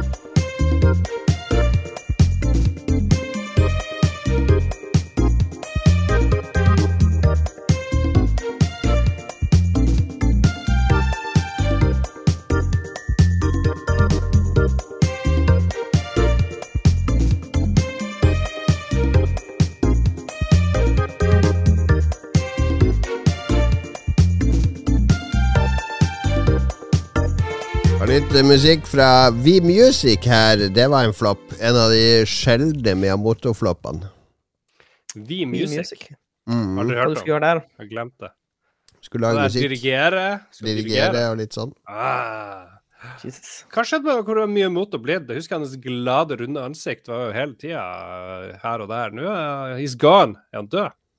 Det er rasistisk å si at han har glad, rundt ansikt. Jeg kan lage at Jeg sier ikke at han har downs. Han- sier bare at han er glad og rund. Det ser meg ut som en glad rund. K- eh, Jeg glemte å nevne i starten at vi har runda 100 episoder av Spillrevyen Ja. denne uka her. Og episoden er vel ute Ja. for alle nå. Det er ikke verst. Den er det, takket være meg, fordi du har ikke fått Ok, vi skal Snakk om meg nå! Uh, Vi har vår faste spalte i starten av hver måned der vi skal vurdere og gi tommel opp eller tommel ned på eh, spill som kommer denne måneden. Um, Ja. Nå har vi hatt uh, veldig mange gode spillanseringer de siste to ukene. Uh, og så får vi se om det roer seg ned i mars eller ikke. Og uh, Mats har vært så vennlig og hyggelig å sette opp en oversikt for oss. Jeg syns det er vanskelig å få oversikt, Mats. Jeg, bruker å Jeg åpner opp eh, sånn tre-fire forskjellige sider, og så lager jeg en sånn slags eh, For det er noen som lister opp absolutt alle spillene som kommer. Ja, det er litt mye. mye. Nei, det blir for mye. Så jeg, jeg prøvde å ta de store utgivelsene. Ja, men du har jo eksempel ikke tatt med Konan Chop Chop, som kom i dag. Jeg vet ikke hva det det, er for noe. det er jo nye Funcom-spillet, eh, Konan-spillet til Funcom.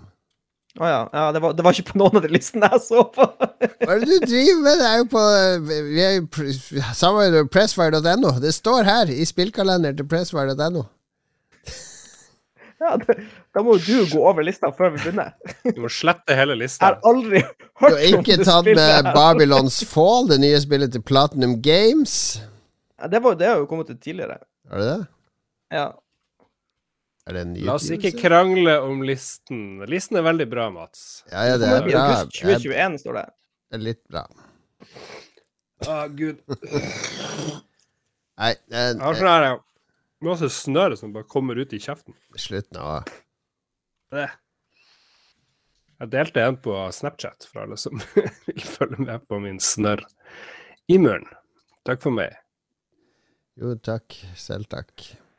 Shadow Warrior 3 er den første spiller på lista her. Eller Konan Chop Chop er jo det første. Konan. Chop Chop, okay. Ja. Eh, er det noen som vet noe om det? Noen som har prøvd det? Uh, Det var jo aprilspøken til Funcom. De 1. april så hadde de en sånn tulletrailer for et sånn uh, lite uh, artig Konan-spill. For det, det har sånn Det er jo Det er jo ikke Konan Exiles, liksom. Det er, uh, det er sånn partyspill. Her hører vi litt fra det i bakgrunnen. Det ser ut som det der eh, Husker dere det der Castle Crushers på Xbox? Ja, Ja. det er litt den stilen der. Litt sånn cartoonish. Ja. Eh, jeg er veldig på det. Så jeg syns jo det ser morsomt ut. Det er jo noe som jeg tenker at vår venn Philip og noen i redaksjonen kunne streama og hadde gøy med, så jeg må jo gi det tommel opp. Tommel up your mother. Ja, Jeg jeg gir det òg tommel opp. Fordi jeg har aldri hørt om det, og jeg fikk, jeg fikk, eh, jeg fikk eh, klage for ikke å ta det med. Så da får det stor Altså, det er mange folk i. Funcom som hører på dette, Mats. Vi hadde jo Tenk på alle de sinte lesebrevene jeg må svare på for at vi ikke tok med Conan. Ikke sant? ja, da, må- da må de snakke mer med Da må de få ordet ut om spillene sine. Det er Mighty Kingdom som har lagd det her spillet. Det er jo utgitt av uh, det her Funcom, og de får til i husk at- Australia. Jeg husker at Funcom eier jo Konan-lisensen. De Mm. kjøpte jo Robert E. Howard eh, De eier jo alt eh, han har laga av lisenser. Så det Konan-lisensen, det eier Funcom. Så hvis vi spør pent, så kanskje vi kan få lage et Konan-hørespill i Lolbua. Et offisielt Konan The Barbarian hørespill. Hvor fett er ikke det? Av en eller annen grunn så dukka det opp en nyhet fra New Music Express eh, i dag. Conan Exile Developer De tar jo feil der, da. Funcom to donate 75 000 pund til Ukraine Relief Efforts. Det syns jeg er litt interessant. Det er hører jo hjemme i spillrevyen. Ja, det er ikke spillrevyen, dette her. De er eid av eh, kinesiske tvilsomme Tencent, og så bruker de masse penger for å gi penger til eh, en eh, Kina-alliert. Spennende, men OK, glem det. Command Alright. chop chop, to tommel opp, én tommel ned. Yes, neste spill ut er Shadow Warrior 3. Dette er et sånn FPS-spill, er det ikke det, Mats? Jo, det, det var jo et det var jo uh, opprinnelig et sånn super old school uh, Doom 90-talls. En, Doom-klone, ja. Uh, og så fikk det nytt liv noen år tilbake med Shadow Warrior 1, hvor det var sånn 3D-grafikk og humor og Mye sverd.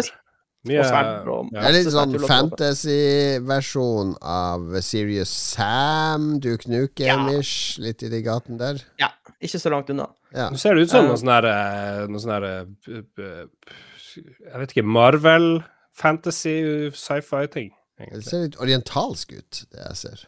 Jo, men det har, det har sånn her samurai-tema. That's Ja. racist. Jeg spilte det første, det var ganske morsomt, men så har jeg bare kom aldri i gang med toa. For du kan spille det her coop, det er det som er litt morsomt. Ja. Eh, Jeg spilte, spilte det med en kompis, eh, den første, det første spillet, og det var faktisk ganske ålreit. Det er litt sånn, ja, Serious Sam er faktisk ikke den verste sammenligninga. Um, men eh, jeg vet ikke. Det er jo det der å Ja. finne tida til det, og det er jo så mye spill nå. Eh, Ja. Jeg kommer heller ikke ordentlig i gang med toa. Jeg prøvde og lekte litt med toa og sånn, men eh, Ja. det falt ikke helt i smak, da. Men uh, så, ja. Altså, er det, jo så, det, er jo, det er jo så mange skytespill nå, så jeg føler du må, du må ha noe spesielt for å skille deg ut. Ja, for det, det ser for meg ut som et litt sånn der tidsfordriv-skytespill. Litt sånn artig, plukke opp og spille litt, og så legge fra deg. Og den Jeg vet ikke om jeg er helt Jeg har ikke det Det hullet å fylle i livet mitt, for å si det sånn. Nei. Ja, for jeg føler Jeg, har, jeg liker jo Quake. Det kom jo en sånn Quake-remake på PC som er veldig tro mot originalen. Supersmooth. Det å gjenspille det med nye leveler var det også der, som noen svensker har laga, Det har jeg kost meg litt med. Så jeg har det spillet å gå til. Det er raske, actionfylte, frenetiske, morsomme. Så Ja. jeg må nok gi det tommelen ned, dessverre. Jeg tenker på Guardians of the Galaxy. når jeg ser Ja, det er det, ja. Ja, det kan Greia. minne litt om det. Liksom James Gunn-stemning. Jeg vet hva, jeg tror faktisk jeg gir det tommel ned òg, for jeg, jeg er ganske sikker på at jeg ikke kommer til å spille det spillet. her. Eh, Tommel ned.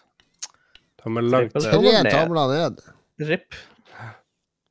Mhm. RIP Shadow Warrior 3. Beklager. Hva er neste ut, da, her? Det kommer masse spill 1. mars. Det kommer Elex 2 kommer også 1. mars, ifølge internettet. Hva er det LX2? verden er det? LX? Oppfølgeren til det kjente spillet E ELX1. hey. ja, det er um, Det er Er det Piranha Bytes? Eh, Det er i hvert fall et sånn her gammelt eh, De har lagd masse rollespill, de guttene her. Eh, De lagde Risten og, ah, ja, og ja, det Litt sånn, litt sånn janky rollespill. Ja, ja. Det kan funke. Og det, jeg har noen kompiser som spilte LX1 som sa det var overraskende bra, men uh, det er det her uh, Ja, nå er det liksom Elden Ring som står på menyen. Jeg kan ikke, kan ikke kaste bort Elden Ring for Elix 2. Så det kommer på litt dårlig tidspunkt, Å, si. herregud. er en sånn, eh, hvis du ser i den lista til høyre på YouTube, der, så er det sånn live Let's Play fra noen som heter Sodukus. Det ser, det, det ser jo helt uh... Oh my god. Det er sånn Han driver og floater rundt i lufta. Ja, ok, til, do- til de som ikke vet om det her, så er det de utviklerne er De er kjent for å lage janky RPG, så Ja. Alle, alle, alle spillene deres er janky as fuck. Men det de ser har, ut som det kan være noe her for de som eh, er hardcore, liker RPG-opplevelser. de lagde jo Goth Gothic-serien først, og så lagde de en serie het Risen, som var liksom et nytt, Ja. nytt forsøk. Da møter han en diger kalkun. Det ser ut som sånn Hi-Res Xbox One. Ja, det ser ut som Xbox One, PlayStation 3 hvis vi Å, se han flyr opp på det bygget! Oh my god! Nei, men artig. Det er sånn, her, er det, her er det mind over matter. Her er det Ja. Jeg skal gi dette tommel opp bare for å prøve å lure en Lolbua-lytter til å kjøpe det. Kan vi ikke, kan har- ikke vi- Hvis en Lolbua-lytter melder seg frivillig til å spille gjennom det her, skal ikke vi finansiere det? Jeg synes det er på Philip plass. kan streame det her. Ja, det Ja, eller en lytter. Lytter Ja, kan det òg. eh, Det òg. ja. Den som sier først fra, skal få finansiert. Ja. Og eh, gjerne hvis det er noen som har spilt det første LX-spillet, som kan litt Ja. om det. Ja, en, jeg vil ha noen som faktisk liker Piranha Bytes og, og spill, spillene deres. Piranha Bytes. Eh, tommel opp fra meg. Hva med dere? Tommel ned. Jeg kan gi det tommel opp, jeg òg. Yeah, to tomler opp. Uh, og så kommer vi til Lars sitt uh, favorittspill for tida, Gran Turismo. Nei, vi må ta med Babylons Fall. Jeg, tror- jeg tror Babylons Fall ikke har blitt sluppet Ja, det, det det, er bare, altså, mulig det bare kommer i Japan òg, at det er veldig sånn lukka. Men Det det, virker som det, at ja, offisiell release i Vesten, i hvert fall, nå i mars. Mm. Det bra, for det er det eneste Mars-spillet jeg har bitt meg merke i. For det, det er Platinum Games, og så har jeg en mistanke om at Platinum Games har mista mye talent de siste årene, og er en litt sånn skygge av seg sjøl. Jeg vet ikke helt hva dette spillet er, men det ser ut som en blanding av uh, Dragons Dogma og uh, Platinum action-type spill. Det er jo det de har kunnet, eh, med, med bajonetter og sånn. Ja. Eh, ja, OK. Er det sånn at man må slutte å spille eh, Tarkov nå? Har dere tenkt over det? Jeg har ikke spilt ja, Tarkov på lenge, men Tarkov er jo alltid der. Må man boikotte Tarkov, Mats? Jeg vet ikke. Jeg tenkte på det fordi det er en by i Ukraina som heter Kharkov. det var litt for Too close to home. Ja. Men jeg Ja, tenker men jo òg at men Er det ikke Ja, ram nå de som har eh, skyld i det her. De som har lagd spillet Tarkov. Jeg tipper at de har, Er de pro invadere Ukraina, liksom? Skal vi ramme dem? Jeg. Jeg, jeg tror det er veldig få i Russland som er pro invasjon. Så det er det som er problemet. Det er jo Det virker som at Putin bare har tørna helt og bare kjører sitt egen eh, show etterpå. Okay. Ja, unnskyld. Babylons Fall ser veldig kult ut, da. Jeg ser jo han, eh, han Nikita Byanov, han sjefen for, uh, for Battle eh, State. Battle State Han har ikke tweeta noe Han tweeta jo veldig mye når han kom på Twitter. Han har ikke tweeta noe siden 21. februar, altså siden før invasjonen. Mm. Jeg, jeg gikk inn der og sjekka.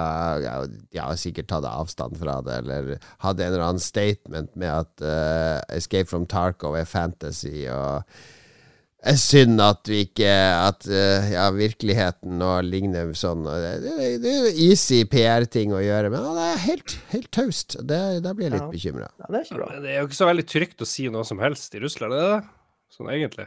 Du blir jo kasta i fengsel ganske fort. Det er mitt inntrykk. Trist, triste greier. Kjenner at det, det ligger en sånn klam hånd her uh, over det hele. Ja, Babylons Fall er, er han i USA? Hvem? Han er er- kidda? Nei, han bor jo i Russland. Han har jo Jo, men jeg ser, han er på Instagrammen hans, Å ja. eh, og han har et, et bilde hvor det tagger at han er i Indiana, i Indianapolis. ja, kanskje han er der.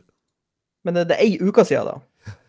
Det var vår grundige gjennomgang av Babylons Fall. Eh, Tommel opp fra meg, bare fordi det er Platinum Games. Ja, ja, tommel opp. Ja. Tre tomler opp! Dritbra Stå på Platinum Games. Da kommer vi til Gran Turismo 7. Det har vi snakka om allerede. Tommel ned. få tomlene. Tommel ned, Stor tommel opp. Boo, kjedelig. Stor tommel opp.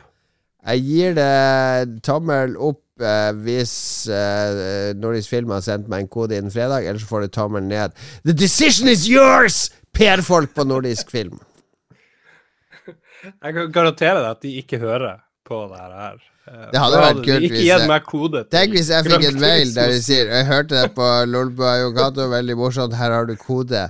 Da vet du, Lars, at de hører dine eh, slakt av produktene deres. Jeg er ikke, slakta Gran Turismo 7. Nei da. Det var en eh, øredøvende hyllest. Ok, ja. nå er det lang tid til neste, for det er hele 11. mars. Da kommer What, what the fuck 2K22. Lars, slå av mikrofonen når du skal sitte og harke opp slim og jævelskap. Jesus klager. Christ! Tenk folk som sitter Sorry. og betaler for den podkasten her og får det der i øret. Jeg beklager. Unnskyld. Æsj! Blir kvalm. Beklager litt.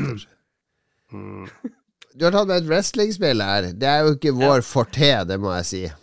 Men s- igjen, dette spillet var på så å si alle i listen. Er det noen som spiller de her wrestlingspillene? Selger de bra, liksom? De må jo gjøre det, siden de, Ja. folk kjøper de år etter år. Og den traileren har jo over 750 000 views. Er det sånn at i wrestlingspillet så må du liksom late som at du slår dem, i stedet for å slå dem på ordentlig? Åh, liksom- hør på Hør på han! Nå snakker du med to som har vært på wrestlingshow i Oslo Vi har vært på. VVE. Ja. Åh, Men det som hadde vært litt kult i de her eh, wrestlingspillene, da, var hvis du, kunne, hvis du kunne styre litt i kulissene. Hvem som skal være sånn heal, og hvem som skal vinne den fighten. Og hadde ikke det vært litt artig? For det, jeg mistenker at i de spillene her så er det som et vanlig slåssespill. Har jeg, tar jeg feil, eller har jeg rett? Ja, det er, men det har vel ofte sånn noe med stamina å gjøre òg. Du kan ikke bare spamme knappene. Du må balansere ut, og så må du Men bygge opp Tenk, noe tenk power. dere, Og, et, i stedet for et wrestlespill hvor du styrer slåssinga, så er det et managementspill hvor du styrer bak i kulissene hvem som er up and coming uh, rising star, og Resting management-spill. Ja, Jeg vet ikke. Sk du, du må liksom skrive storyen, på en måte, til utviklinga til karakterene og Kunne vært noe. Kunne vært noe. Ja. Nei, vi, vi er i, i Red Crew-land her. Det her er eh, det, Mm. det her, her er det orgasme i Red Crew-studio hver Ja. gang det kommer et nytt VVE-spill. Men dessverre, vi er Vi har vært på wrestling. Vi kan, vi kan sette pris på litt wrestling, men de wrestlingspillene gir meg veldig lite. Så det blir tommel ned fra meg. Jeg likte det der 2D wrestlingspillet på PlayStation. Var det? det var jævlig morsomt. Husker dere? Det husker jeg. 2D? Ja, det. 2D. Tegna cartoonish. Uh, sinnssykt bra. Det var sånn uh, Sånn som du spilte wrestlingspill før på arkademaskiner ish. Det var fantastisk. Det Jeg var en sånn husker, klovn. jeg husker Rock and Wrestle på Commodore 64 fra Melbourne House. Det elsker jeg. Husker til og med musikken.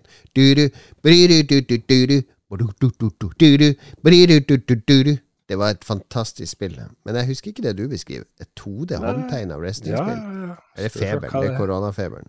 Det er koronafeber. Hva faen det heter for noe? Jeg skal, jeg skal gjøre research. Nå er det sikkert noen lyttere. Altså. Det er sikkert noen lyttere som finner det. Tomler. eh, Blir det tommel ned, tre tomler ned for wrestlinga?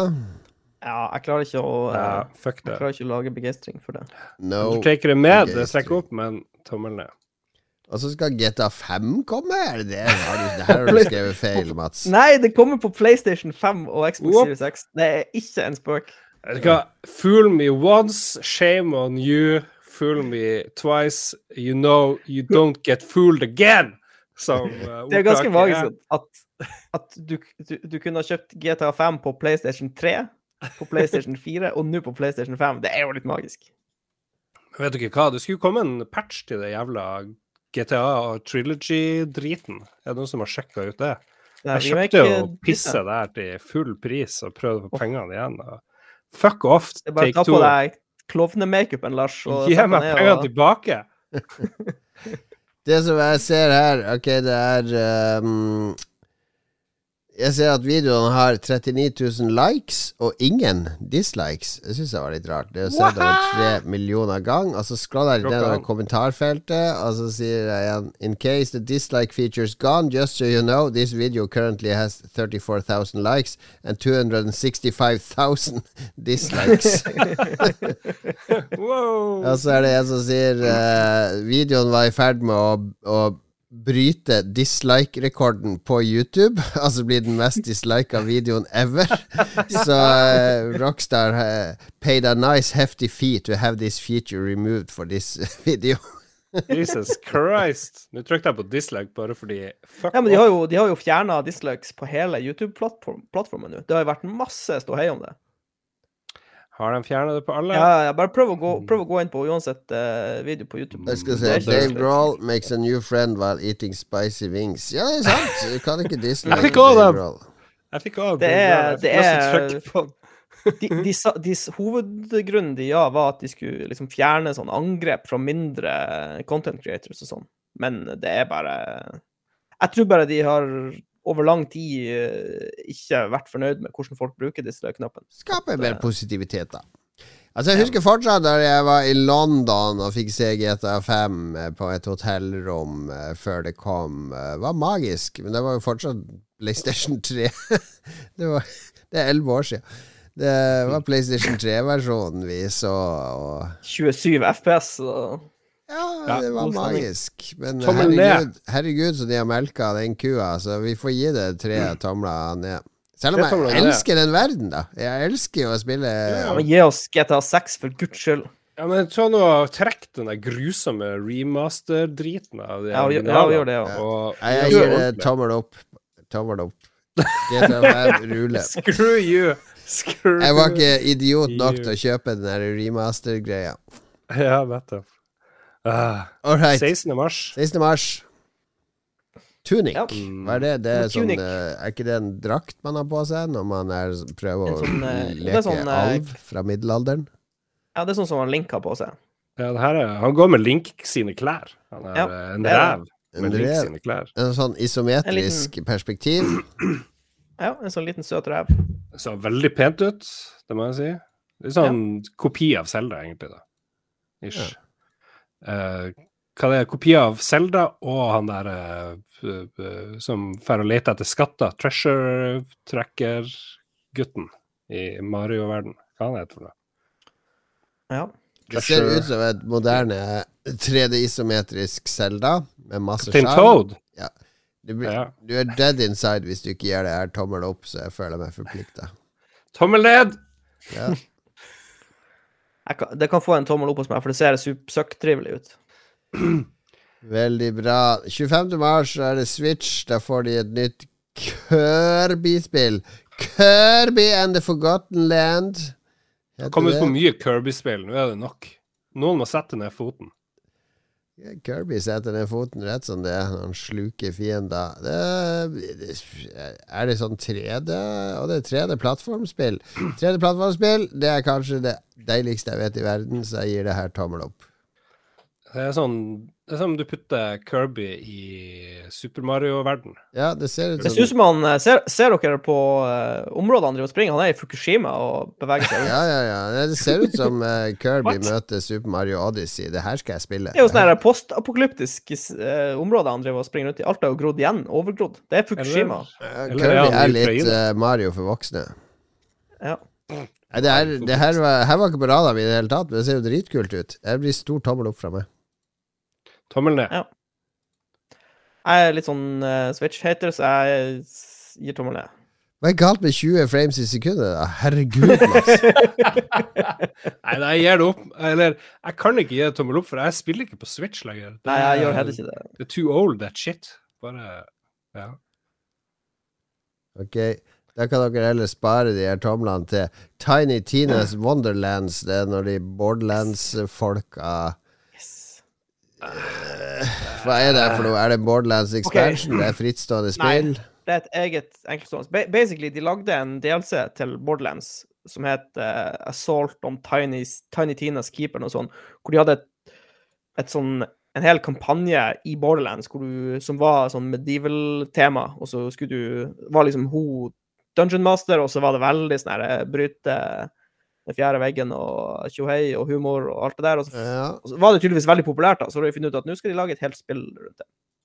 Så det er Borderlands, det er Fantasy Borderlands med tiny, mye Tiny Tina. Men jeg vet ikke.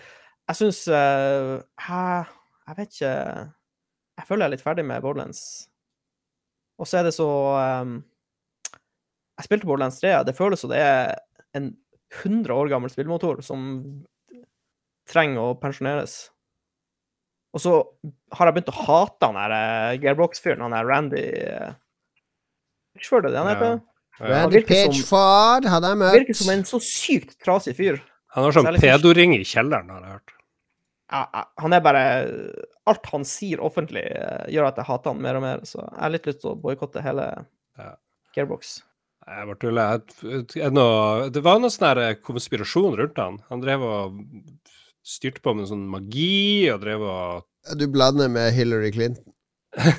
Ja, det er pizza er bare tull. Pizzagate. Ikke driv og front konspirasjonsteorier om Men det eh, var da Randy Pitchford. ja, ikke, Vi har researchen klar. Ikke du være en av de som driver og sprer det her. Jeg har hørt det, skriv det opp i Spillrevyen-skjemaet, så gjør du dine mange timer med research før vi tar den saken inn der. OK? Tommel ned fra meg. Ja, Tommel ned. ned her. og- Tre tomler ned. Sorry, Rip. Gearbox. Eh, så 25. mars kommer Ghost via Tokyo. Et spill til PC og PlayStation 5. Eh, som Jeg vet ikke helt hva det er for noe. Det er litt sånn eh, horror, sci-fi uh, First Det er litt sånn syrestemning. Det er Betesta, da. Det er det som er litt rart, for de eies av Microsoft, og så er det kun på PlayStation 5. Ja, det er veldig De veldig har sabotert det her de luxe. Stakkars. Det som er navnet, navnet bak her uh, Shinji Mikami var vel med og annonserte det. Det er han som står bak Resident Evil og uh, Evil Within-spillene. Han har jo en liten sånn track record, men jeg vet ikke helt hva som har skjedd med han, for han er ikke kreditert lenger på det. Han er bare executive producer, og det betyr jo ikke damn shit i noen som helst sammenheng. Det ser ut som Remedy fra Finland har lagd. Eh, Men jeg syns det ser ganske kjedelig ut. Det er bare masse sakte gåing fremover med en sånn finger som peker. Ja, det det ser veldig tregt ut. Ja, det ser Det litt dølt ut.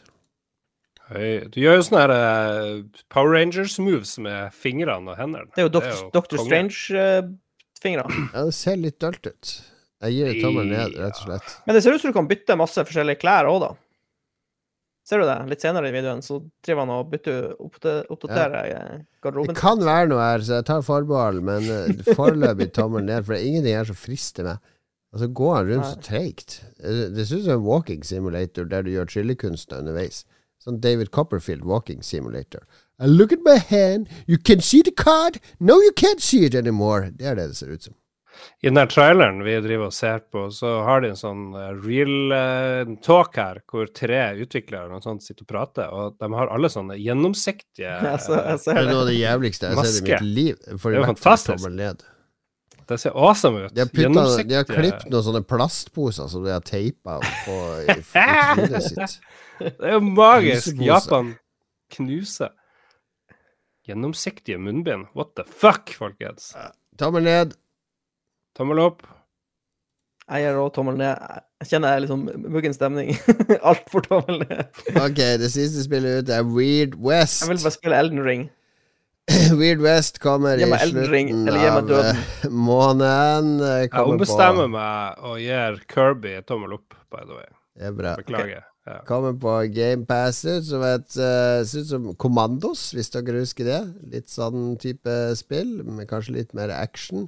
Mm. Det ser ut som noe slags strategi, turn-based uh, Jeg vet ikke helt. Jeg klarer ikke Det er en eh, survival game, står det.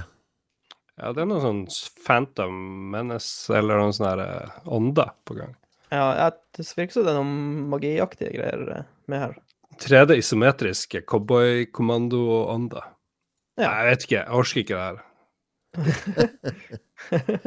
Det er Devolver Digital som gir det ut. da Altså De bruker jo å ha sansen for litt sånn artige, retroaktige spill. Hvis det er et veldig Jeg gir det tommel opp hvis det er kort. Ja. Det skal få tommel opp fra meg, bare fordi det er Devolver. Jeg elsker Devolver. Ja. Hva med det, Mat Lars? Jeg sug, sug min store albue. Oi.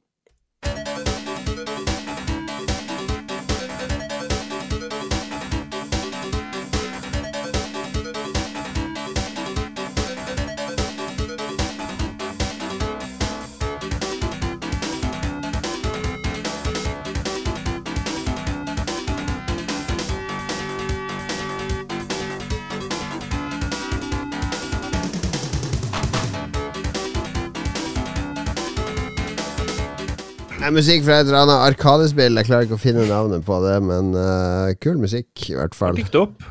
Det er musikk fra John Cash 3. Jeg tror ikke det er noen som sjekker dette. Jeg har alltid fått spørsmål «Ah, Hva var den sangen dere spilte der og der. Så er derfor jeg sier, prøver å si hva det er alltid. Jeg tror Nå når jeg sier det, det er ingen som orker å gå og finne den sangen. Å, den var så kul. Den må jeg finne. Nei, den sangen, tror jeg. Ja, ja. Uh, Ok, way- anbefaling. Ja, anbefaling. Jon Cato, vær så god. Jeg kan begynne. Jeg var jo på Oslo Filharmonien. Er det så eh, slitsomt? Oslo Filharmonien og et fullt kor. Eh, som, det er en sånn ny greie som har kommet i filmens verden. At eh, du, får, du lager en versjon av filmen uten musikken. Eh, du har all dialog og lydeffekt og alt sånn, men musikken er tatt bort. Og så har du en sånn en versjon av filmen du skal vise for publikum, og så en annen som konduktøren og orkesteret får se, med cues. Eller konduktøren får sånne cues, gjør klar. Uh, og i juni, i Oslo Spektrum f.eks., så skal de vise Star Wars A New Hope på denne måten. Der har de fi filmen med lydsporet uten musikk, og så er det Oslo Filharmoniske Orkester, som da Jeg tror det er de, det kan være et annet orkester. Fullt symfoniorkester som spiller soundtracket live mens du ser filmen. Altså helt perfekt synka til filmen. Og Hva hvis de spiller litt feil, da? de gjør jo ikke det, da. Herregud, de er proffe, Mats. Jesus lord. Hvis de er litt, litt off på timinga, eller noe sånt? Ja, da blir det ni av ti fra deg. Det var ikke perfekt! Det var ikke sånn Så da, sånn er det bare. Eh, men jeg så filmen Amadeus. Eh, 80-tallsfilmen fra Amadeus, Amadeus! Ja, Den låten var ikke med. Det ble jeg litt skuffa av. Det er bare en musikkvideo. Den er ikke med i Ja. filmen. Oh, ja. Jeg drev og funnet frem teksten også, til Amadeus Amadeus. Nei, jeg, jeg kan godt var- anbefale den låten nå, jeg elsker den. Men filmen har jeg aldri sett før, og det er jo laga av den store tsjekkiske regissøren Milos Forman. Eh, han var jo et, var mange tsjekkiske Den tsjekkiske um, filmscenen på 60-tallet var jo veldig, veldig kul. Lagde veldig mye bra der, og så måtte de rømme til USA, mange av de. Han Milos rømte jo dit. Lagde jo Gjøkeredet, kanskje den filmen han er mest eh, kjent for der. Men lagde flere gode filmer, og Amadeus er definitivt en av de. Handler om Wolfgang Amadeus Mozart, og uh, hans rival, får vi vel si, en italiensk komponist. Og er liksom han italienske komponisten som forteller om hvordan han uh, tok livet av Mozart. Uh, så du får høre litt om livet til Mozart. Det er litt fiksjon, det er det nok, men uh, veldig fornøyelig. Veldig artig og veldig mye Han lagde jo så ut- komponerte så utrolig mye musikk, Mozart, og det, filmen bruker vel bare musikk fra Mozart. Og det Bruker litt Madonna òg, har jeg hørt. Nei, egentlig ikke. Så har de funnet Det er bra skuespill, det er bra film. Jeg hadde aldri sett den før. Fordi når jeg var 14-15 år, eller hva jeg var når den kom på kino Jeg tenkte herregud, så kjedelig, jeg skal aldri se en sånn film med sånne parykker som foregår for 200-300 år siden. Null interessert i det. Gi meg lysa Days of. Thunder. Gi meg action. Men nå så the need! The need for speed! Ja, jeg setter pris på dette i voksen alder, så det er en god film. Det er en god film. Vel, vel verdt å se. Ja. Jeg har faktisk ikke heller sett den filmen. Kanskje jeg burde sjekke den ut. Jeg, liker ja, jo, jeg, jeg. jeg så litt over lista på filmene han har lagd. Det er jo dødsmye bra der, så Man vet hva han holder på med, han der Milos. Jeg kan også nevne det som en kuriositet, for det er jo basert på et teaterstykke eh, om Mozart, Amadeus. Eh, og der eh, var det opprinnelig Tim Curry som spilte Mozart. Eh, han er jo en av våre kultfavoritter fra eh, Wilderness Girls! Nei, Han var jo stemmen til Gabriel Knight i første Gabriel Knight-spillet. Altså Rocky Horror Picture Show, det er Tim Curry. Men han måtte jobbe med noe annet på slutten. Vet du hvem som replacer han som Mozart på teaterscenen? Mark Hamill. Så selveste Oi. Luke Skywalker har også spilt uh, Mozart her. Artig. Det er, jeg husker jeg så den filmen for kjempelenge siden. Jeg måtte sikkert se den på skolen. Ja, Ja, jeg husker det var bra allerede da. Men eh, de parykkene de er litt provoserende når du er i ung alder. Det har du helt rett i. Ja. Mm. Parykker eh, er litt creepy. Skulle gjerne sett det. Så det var flere. Du og Kjetil var der. Husker ikke det var flere vi Og kjenner. meg og vår venn Ruben, vi er jo Ruben? ja, Altså I den vennegjengen vår fra Kultureliten. Harstad Ja, meg og Ruben er jo kultureliten. Vi er jo en del av kultureliten i Oslo. Du er si. begge elsker Paradise Hotel. Kaff, kaffe latte, vi kjøper vi på Grünerløkka. Tusler nedover, får med oss noen gode kulturopplevelser. Litt teater. Kjøper noen ferske bønner fra Hva heter han der? Ferske bønner. Ronnys bønner. Vendelbo. Opp på Sallys pølsebakeri for å kjøpe noe ferskt kjøtt. Vi tar Ja, ok. Eh, referansene treffer ikke oss i Harstad, for å si det sånn. Jeg sitter her som noen spørsmålstegn. Ja. Ronnys pølser er jo sånn narkis på gata som tar blowjobs eh, hvis du er tom for penger. Ja, Dødsgode pølser. Jibberdu Ja, Ja. jeg var på eh, Apple TV Oi. her om dagen, og så var det et sånt svært banner som slo, slo imot meg med han Adam Scott. Eh, og så tenkte jeg å, Adam Scott. Han er jo veldig morsom i Parks and Rec og en gammel eh, serie som heter Party Down. Han er egentlig sånn eh, Jeg liker han veldig godt. Mm. Hvor han Ja, en ny TV-serie med han som heter Severance.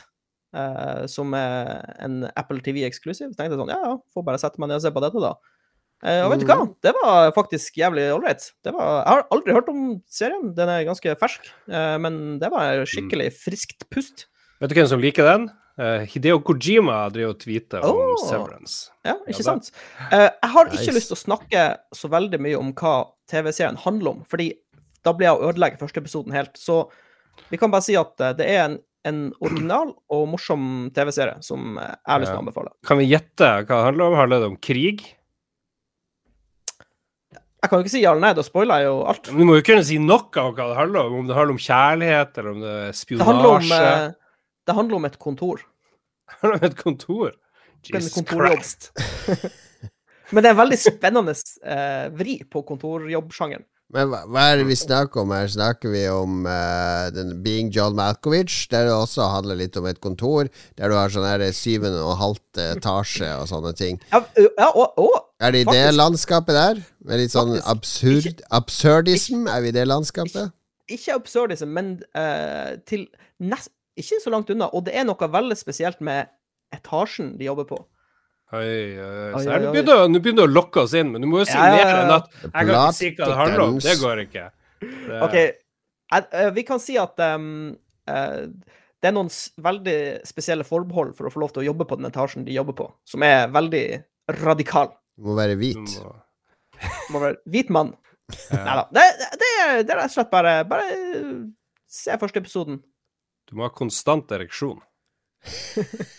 Lyttere som eh, tar det opp anbefalinga di nå, og hater det fordi de ikke fikk nok info til å gjøre et veloverveid valg, kan du gi dem postadressen din, så de kan sende deg en bæsj i en boks? Jeg vil ikke ha bæsj i posten min. De, kan, eh, de, kan, eh, de kan ette meg på Twitter, fordi jeg er aldri på Twitter. Så de kan kaste hat på meg på Twitter. For det, det gjør ingenting. God idé. Ok, Ja. Severance. Ja, jeg skal anbefale en podkast som er lagd av eh, de tre hovedpersonene bak It's Always Sunny in Philadelphia, en TV-serie som nå er å finne på Disney pluss. Jeg tror de driver og lager sin 15. sesong nå, eller noe sånt. Det er i hvert fall det de gjør når de lager denne podkasten. Og det er, veldig artig. Det er jo sånn trio, tre gubber, som har lagd det her It's Always Sunny. Og Tre hvite menn lager en Tre podkast. hvite menn, og de lager også en podkast. Og måten de er i TV-serien på For han ene han er litt sånn strigla og litt sånn tynn og forfengelig. Han ene, han Charlie, er litt sånn degenerert og litt sånn uh, rotete og masse hår. Og så han i midten, han er en sånn mellomting mellom de to, på et vis. Og eh, det, det hører du igjen i deres ekte karakterer. Han er tynne eh, kisen. Han er sykt opptatt av kosthold hele tida. Han vil at alle skal parkere så nært som mulig veggen for at han skal komme inn med sin svære SUV. Så bare han insisterer at han er på jobb, osv. Men alle er veldig OK. De er jo en unik fyr, gjeng som har klart å lage en TV-serie i 15 år. Med Danny DeVito òg, var jo med. Jeg vet ikke om han er med lenger. Kanskje han er ute? Er han inne? Jeg vet ikke, de nevner ikke han så mye. Jeg har ikke sett It's Sunny på lenge, men Men jeg har bare sett de sånn par første sesongene, og så tenkte jeg jeg skulle se mer på nytt. Og så har jeg hørt på podkasten samtidig, for det dukka opp sånn tilfeldig Uh, på Spotify, på Ja. Joe Rogan-appen. Uh, Rogan-appen. jeg har sett ni sesonger, og det er en av de få TV-seriene som holder seg utrolig bra. Altså, kvaliteten er jevnt Ja. over bra. Det som er artig, er at det er så degenerert. De, er så, de byr på sine dårligste sider. Og det tror jeg du hadde likt, Jon Cato, for jeg vet ikke om du har sett noe av det her. Du hater jo TV-serier. Jo da, jeg har sett noe av det, og det, det er litt artig. Det, det er skjønt at det er en del uh, som ikke er tilgjengelig på Disney. De har en del blackface-episoder og sånne ting som, uh, som du ikke Det er veldig sånn finner. Hvis jeg skal beskrive It's Always Sunny, så er det veldig sånn edgy Det er ganske edgy, men samtidig så er det en sånn samfunnssatire i det. Altså, de tar det strikken veldig langt, og jeg mener jo innen humor Det var en som sa innen humor så skal du stå helt på kanten av hva som er lov hele tida. Du, skal- du skal pushe den kanten, og da må du akseptere at av og til så tråkker man over. Eh, Ja. Ja. Ja, ja. Ellers så står du ikke nært nok kanten. Og det, jeg er for så vidt enig i det, da. Men jeg anbefaler begge deler, da. Og jeg er enig i det dere sier, at det er liksom på kanten, og det er veldig gøy. Og ja, og så jeg elsker It's Always Sunny. Og så har jeg også sett sesong fire av uh, Documental, som jeg syns var helt eh, magisk fantastisk. Hvor de driver og urinerer den ene etter den andre. Det er, det er et, et annet nivå enn ikke lov å le på hytta. Ja, og de har til og med med ei dame der. Så jeg ble litt skuffa da jeg gikk videre på sesong fem. Og det ikke var Er det sesong fire der de gir hverandre massasje òg, de her to karene? Jeg tror det. Ja, det er noe sånt. Det er fantastisk. Nei, det er jævlig mye bra. Sesong fire beste, beste sesongen jeg har sett, tror jeg. Ja, men Det er godt å høre. Men det var gode anbefalinger. Filmen Amadeus, It's Always Sunny, både serien og podkasten, og eh, meget mystisk Apple TV pluss TV-serie. Mats har fått livstidsabonnement på Apple TV pluss fra, fra Apple for å bare blaste ut en anbefaling uten å egentlig klare å si noe konkret. Severance.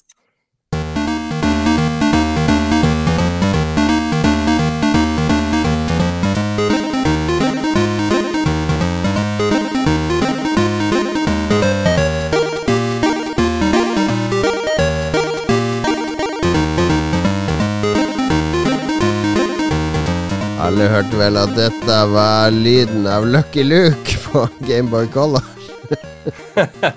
Jesus lord. Altså, én ting kan du si om musikken i Lolbua. Hører du på andre som spiller på podkaster, så går det Vi spiller litt fra Mario, litt fra Zelda, litt fra Det, det går i kjente spill. Du vet aldri hvilke spill vi spiller musikk fra i Lolbua. Det er bra. That's true. True. Har vi noen lytterspalte? Jeg ser den er blank, så kan vi kanskje avslutte her og nå. Hvilke Patrion skal vi takke, Lars? Jeg la ut et spørsmål på God damn og jeg spurte er du redd for krig? Hva skjer? Vi tar opp Lolbua nå straks. Gi oss dine analyser og redsler. Og rett på noe heavy shit her, Roar Granevang sier at uh, han har mista to kollegaer som måtte flykte fra Kiev. To dyktige utviklere er verdt minst 20 sprø Putiner. Så Der har faen, er de døde? Det høres ut som noen er døde, altså. Ja, vi eh, Det er jo mange, veldig, er det det, mange utviklere. Det er et stort utviklermiljø i Ukraina. Jeg ser både spillbransjen Spillbransjen har jo engasjert for å eh, støtte Hva skal hva er det de støtter? De støtter hjelpearbeid rundt krigen, ikke sant? Mm. Eh, vi har Nerdaid i Norge. Og det, Nerdaid er er satt i gang av Alan Shay, som jobber for meg på Origo. Det var noe han satte i gang for mange år siden. Eh, så er sånn innsamling. Hei, utviklere og nerdemiljøer. La oss samle inn penger til en god sak. Og så ble det veldig bra.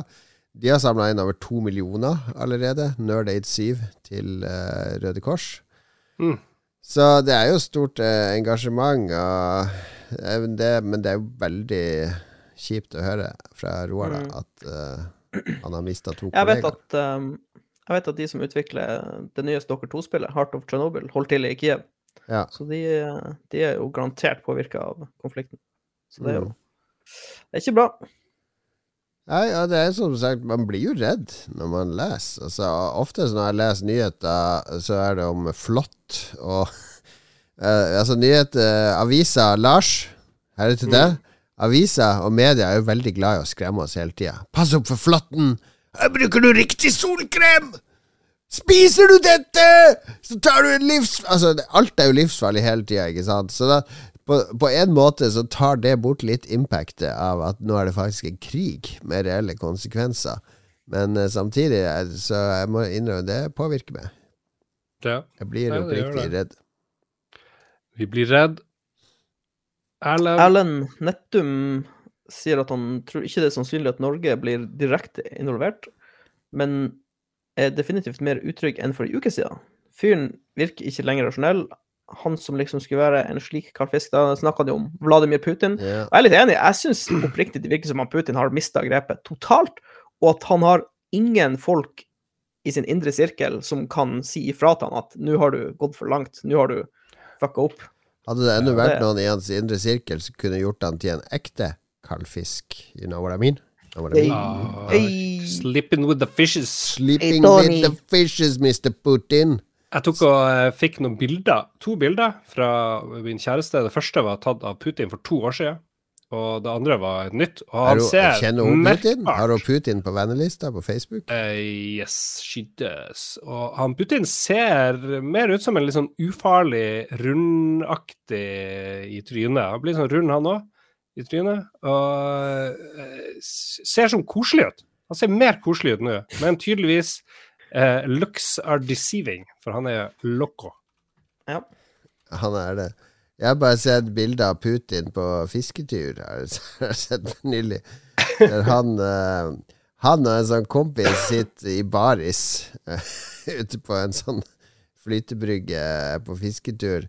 Så jeg har veldig lyst til at du og Mats skal gjenskape det bildet. De har på seg cowboyhatter og kamobukse og litt. Sitter i baris. Ja, Når, når krigen er over, og det er litt in better taste, så kan vi Ja, ja. enig. enig. Good call. Mm. Han eh, Carl Thomas Aurum, eller Aram, Hello, Aram. han eh, spør om Lolbua vil følge opp eh, verdenssamfunnets samlede økonomiske sanksjoner mot Russland og kutte økonomisk støtte til russiske utviklere. Vi snakka jo litt om dette med Battlestate Games. Ja, det er sant, det. Ja. ja, det er jo et godt spørsmål, som Ja. Jeg syns vi skal støtte Russland, sånn at Norge eh, ikke blir behandla så dårlig når de invaderer oss, tenker jeg er mest fornuftige jeg, får, jeg får ikke lyst til å sende penger i retning Russland, i hvert fall. Det kan vi trygt si. Det jeg lurer på er, har ikke de kutta støtte til Visa og Mastercard og Apple Pay og sånn der borte? Får man i det hele tatt kjøpt Escape from Tarkov? For det selges jo rett fra hjemmesida til Ja. eh, det russiske er selskapet Battlestate. Games. Det er jeg litt usikker på.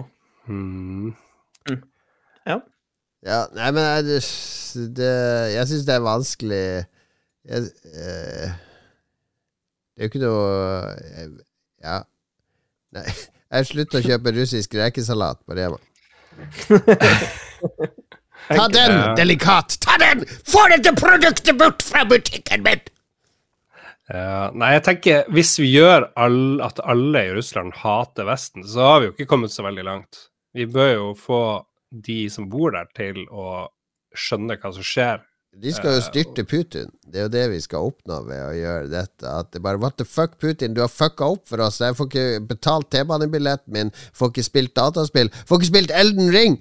Serverne er nede for meg i Russland. La oss styrte den idioten, så at vi får tilbake friheten vår. Det det som Men den jevne russer, han følger jo ikke, han leser jo ikke VG, liksom. Han leser jo eh, russiske medier som er styrt av Putin, så jeg vet ikke helt. Jo, men de er jo Er de ikke på Twitter og Instagram og sånn? Så du mener Russland. boikott av Nord-Korea ikke virker? Ja, egentlig. Jeg tror ikke Det hjelper ikke de som bor der, i hvert fall. Ja, Nord- Nord-Korea Nord-Korea er jo oppriktig Altså, de, de vet jo ikke i det hele tatt hva som foregår eh, rundt omkring i verden. Men russerne tror jeg er jo De er jo mer opplyst enn nordkoreanerne. De er er nok Litt mer opplyst, men lever jo i et diktatur. Let's get real. Ja. Ja. Okay. Vi kutter russisk rekesalat, eh, Carl Thomas. Altså, jeg skal, for jeg, var inne, jeg vurderte å bestille noe sånn Escape from Tarkov-ting, men jeg venter med det. Litt sånn caps og sånne ting hadde jeg lyst på, med Bear-logoen på. Men eh, Vi, vi venter. ta den, Putin. ja. Vi kjøper heller sånne Trump-effekter i stedet. Gjør vi. Mens vi venter. Ai, ai, ai. Mm. Tom Wilhelm Ødegaard, han sier at han ikke er redd. Joakim Strandberg Tøft, tøft, tøft. Ja. Joakim syns det er gøy med krig. Ja. Nå kan vi få se Red Alert i virkeligheten. Uh, spoiler alert, Russland er det neste Jugoslavia. Smuldrer opp. Oi, oi, oi. Oi, her har vi en som har sett The Future. Mm.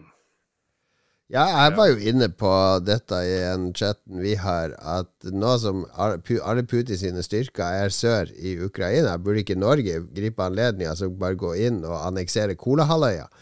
Ja. Ja, jeg inn. hørte at- Det er nå vi må forsyne oss, for Finland kommer jo til å ta masse der oppe, ikke sant, når Russland kollapser. De kan jo ta tilbake, de kan endelig ta tilbake Karelen. Ja, ja, ja. Ja, ja. ja. Men det, det er issue med de atomvåpnene. Hvis vi kunne fjerne atomvåpnene til Russland, da hadde mye vært gjort. Da, da hadde jo folk bare invadert dem for lenge siden og satt skapet på plass, for å si det sånn. Ja, vi, er trenger at han, eh, vi trenger at han Elon Musk lager noe sånn superavansert eh, system i verdensrommet som bare jammer alle raketter som kommer opp i en viss høyde, så bare boop, detter de ned igjen. Så slår vi dem ut av spill. Fucking it. Elon Musk. Fix Elon it, Musk, Mr. Musk. Even André Aarseth sier han nei, tror du ikke det blir krig utover grensene til Ukraina? Hadde vært greit å få vite litt mer om grunnen til at han måtte til å gå krig da. Prøvde å lese en del av den propagandaen for å finne ut litt ting sjøl, men ikke lett å finne noen spesielle hendelser i nyere tid, så det måtte ha pågått over lengre tid. Det holder ikke å si at mannen er gal, selv om han ikke er helt god, for det er for billig. Ja. Det var en nyansering her, forsøk på. Jeg, jeg, leste, jeg leste litt om det, i en artikkel. Det går jo helt tilbake til egentlig slutten av andre verdenskrig, når de delte opp eh, Berlin og hele den greia. Først kom dinosaurene. Nei, det var sånn her ikke én tomme østover starta, starta med. Men problemet var at det ble aldri skrevet ned i noe avtale, noe skriftlig avtale om at, det at ikke Vesten ikke skulle rykke lenger øst. Men i, i russerne sitt og i gamle Sovjetunionen Vesten kan jo ikke rykke lenger øst. Det er jo vest, og det er øst. Det henger Jo, men, jo, men de, Russland er redd for at de skal, de skal, Vesten skal komme nærmere, på en måte. Ja, At hvis Vesten? Ukraina ja, men Ukraina, la, la oss si at hvis Ukraina hadde blitt med i EU og Nato, da er Vesten, da har den kommet nærmere Russland. Ikke sant? Være enig i. Jo, Men Putin anerkjenner jo ikke Ukraina som et land. Han mener at det tilhører eh, Russland. Ja, men hva er Vesten? Jeg skjønner ikke hva Vesten er. Det er oss, Jon Cato. Ok, det er eh, demokrati. Na, na, Nato og uh, Ja, er det demokrati, eller hva er det? Vi kan jo ikke bare si ja. Er Polen Vesten, eller er det øst? Nei, altså, entiteten Vesten er jo bare de samla allierte styrkene til Nato. Ja, ok. Ja, la oss ikke fordumme folk som må på. snakke snakker ofte om den vestlige sivilisasjonen. Ja, det er jo vi Eh, det, er de som snille, det er de snille, i Ungato. Det er vi som tror vi Det er vår kultur. De som Ja. Skjønner good engelsk. guys. Ja. Ibermensch. Ja. Som syns det er kult med popkorn og uh, ikke reagerer negativt når eh, USA skal sende Rambo inn i Afghanistan og frigjøre Yes, det, det er Vesten. Det er Vesten. Lars har fasiten som alltid. eilige Ja. Uh, ja. Men skal jeg si Østene? Det er de som ikke reagerer når de ser en kinesisk film hvor uh, kinesere får rykke inn i Afrika for å frigjøre sånne landområder. Det var, det var veldig skummelt. Det er bare gled dere til kinesisk filmindustri blir større, og vi må se masse sånne rare ting. Kina har vært veldig stille under hele den greia her. Ja. Vi bare sånn Håper at ingen ser på dem. Mm. Ja, hvem er neste her? han Kristoffer Getterboys Hansen eh, sier at han selvfølgelig er redd krig. Det suger, det rammer mange. Kan ikke annet enn å synes synd på folk i Ukraina. Litt samme her. Get up, boys. René B. Lindberg han sier han er ikke redd for krig. Han er klar til å forsvare Andøya om det skjer. Han er på. Jeg, team skal, jeg blir med René og forsvarer Andøya. Ja, ja, ja. Mens Lars Run. flykter til Sverige, hals over hodet. Hør Marnie, brorsan. Her kommer jeg. Uh, Mai Lisbeth Brew sier at hun er bekymra for atomubåter rundt Kolahalvøya. Ikke redd for atomkrig, men atomulykke. Ja. Jeg Men eh, kan fort snuble. Ja, de havarerer jo de her tanksene og sånn hele tida der nede, og de transportfartøyene går tom for bensin, så jeg ville jo også vært redd for de Ja, og en annen ting, det jeg skulle si til forrige innspill, er at uh, han sier at uh, han tror ikke krigen går utover grensen til Ukraina. Men hvis de begynner å herje helt vest i Ukraina, så er det ikke langt til grensa til Polen. Og hvis noe går feil, hvis en rakett går feil, eller noe sånt, og Polen blir truffet, så da er en Nato-alliert eh, truffet av eh, russiske raketter, og da blir det, da blir det stygt. Så eh, jeg tror ikke folk må lene seg for mye tilbake og tro at alt det her Jeg er blitt veldig glad i nedrusting, i hvert fall av atomvåpen. Eh, vi kan jo ikke tillate masse loko mennesker å ha det, uansett. Om de er snille i dag, så kan det jo være Putin i morgen, liksom. Det er no good. Njet. Njet, njet. Han eh, Stian Skjerven, Skjerven, beklager, sier at så lenge Steven Segal står ved Putins side, er vi trygge. Men når slippes han løs, så ligger vi alle tynt an. Ah, Ja. Jeg er enig der. Hvor er Steven Segal akkurat nå? Ja, Jeg føler han er, en eneste, han er en mann som kan redde verden. Hvis han bare kjører throat punch på han Putin, så er det Da er vi redda, folkens. Ta det sist i forrige igjen, uke. Steven. Jeg var helt enig. Ha en for laget. Ja, han snakker ut nå. Han snakker ut på Fox News. Har han det? Jeg har et klipp her. Oh, no. Skal vi se, dette må jo folket få høre.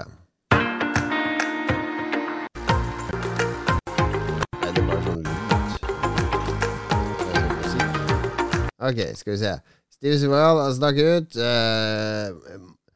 han sier der "Uh, Most of us have friends and family in Russia and Ukraine, sier han til Fox News. I look at both as one family and really believe it is an outside entity spending huge, huge sums of money on propaganda to provoke the two countries to be at odds with each other. Han tror det er Soros som står bak. Har brukt masse penger.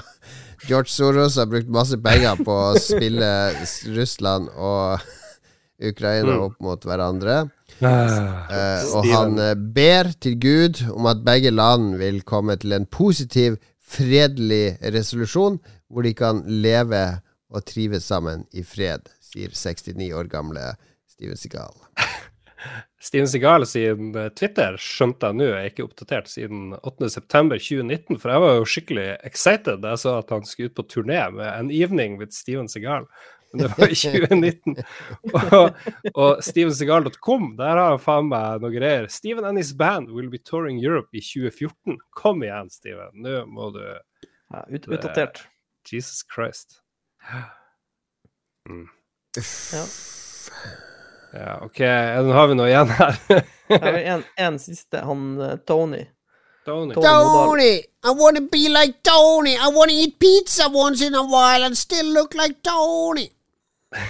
Han sier at uh, krig er helvete. Han sitter i en bil på tur ned til polskegrensa til Ukraina for å få tak i mor min kones familie, som har vært på flukt nå i dagevis. Vi må alle gjøre det vi kan. Følger med alle som må rømme fra sine hjem og kjære. Ja, Det er Tony er på tur til Ukraina. Ja, Jeg beklager at vi driver og kødder med, med ting og navn og sånne ting. Jeg blir jo helt flau. Crazy, crazy, crazy. Tony! Altså, det er, Men det er det folk som er direkte ramma, ikke sant? Det er folk som hører på oss som er direkte ramma. Det gjør det ikke noe mindre sterkt å fordøye nyhetene. Nei. Men de får jo høre våre løsninger på alt det her, så det er jo en viss trygghet. We get this. Vi må jo håpe at vi kan eh, At eh, vi kan bidra til å med noe godt humør eller et eller annet oppi all galskapen, rett og slett. De har i hvert fall en eh, det, det, post, altså det som jeg ser litt lyst på, er at det virker som Ukraina har en utrolig sterk leder akkurat nå. Og det, det er jo bra. Så vi får bare håpe de klarer å stå han av. Håper det. Bank i bordet. Ja vel, da er vi ferdige. Ja. Les opp produsentene sine navn som om dere er eh, Vladimir Putin som leser opp navnet på eh, vi, nei, vi, vi må styre unna da. Les opp produsentene sine navn med kjærlighet. Vis at Oi. dere elsker dem. Ah, shit. Jeg vil begynne. Jeg vil begynne. Anne-Beth. Anne-Beth. Ah, Anne-Beth, kjære du. Takk for din støtte. Krallnor, Bjørn, takk. Det var sånn fatherly love. Det var ikke, det var ikke, det var ikke sexual tension i lufta der. Mats, men greit, greit, Lars. Misforsto oppgaven. Duke Jarlsberg. Kom hit, Duke. Kom her. Kom og se. Se her. Nei, snu deg. Ta på meg, Duke. Ikke vær redd. Duke. Det Ikke, Ikke, vi skal ikke i metoo. Ja, ikke helt i metoo, Lars, men Duke bra. bra. Mats, Gøran. Hvorfor blir det sånn at man hvisker når man Gøran Helge Nilsen. Takk for alt. Jeg blir sånn prest. Ja. vi kommer til å miste et par produsenter. Jeg tror det. Det er du som gir oss veldig dårlig oppgave. Ok, Kenneth og jeg, vi er i uh, hva det heter for noe, Blue Oyster Bar. Det er litt bråkete. Det er Kenneth! Kenneth! ok. Mats, Onkel Stian. Onkel Stian! Uh, Lars. Shant. Shant 59. Hei, Shant 59. Hvordan går det med deg? Åh, Shant 59. Dette er med eksempel. Jeg elsker deg. Takk for det. Bra, bra. Da var episoden eh, ferdig. Uh, hva skal vi si? Ta vare på hverandre i krigssituasjonen som er nå. Fra korona til krig. Og vi varmer varme tanker til alle dere som er direkte og indirekte ramma. Det var flere enn vi trodde når vi setter ut på køddeseilasen vår. Så jeg håper ingen eh, er oppriktig sur på oss for at vi, vi prøver å lette litt på stemninga i en tung situasjon. Ja. Jon Cato mente det ikke, det han sa tidligere der. Ja, ja, vi spiller Vi, sp vi spiller rolle her, Lars. Klarte ikke, å- klarte ikke å avslutte denne podkasten, gjorde du det? Nei, jeg syns det ja, men jeg, det- jeg blir prega av det som skjer. Herregud. Ja. Uff. Joanna. Joanna Dark, take us home. Ta, ha det bra.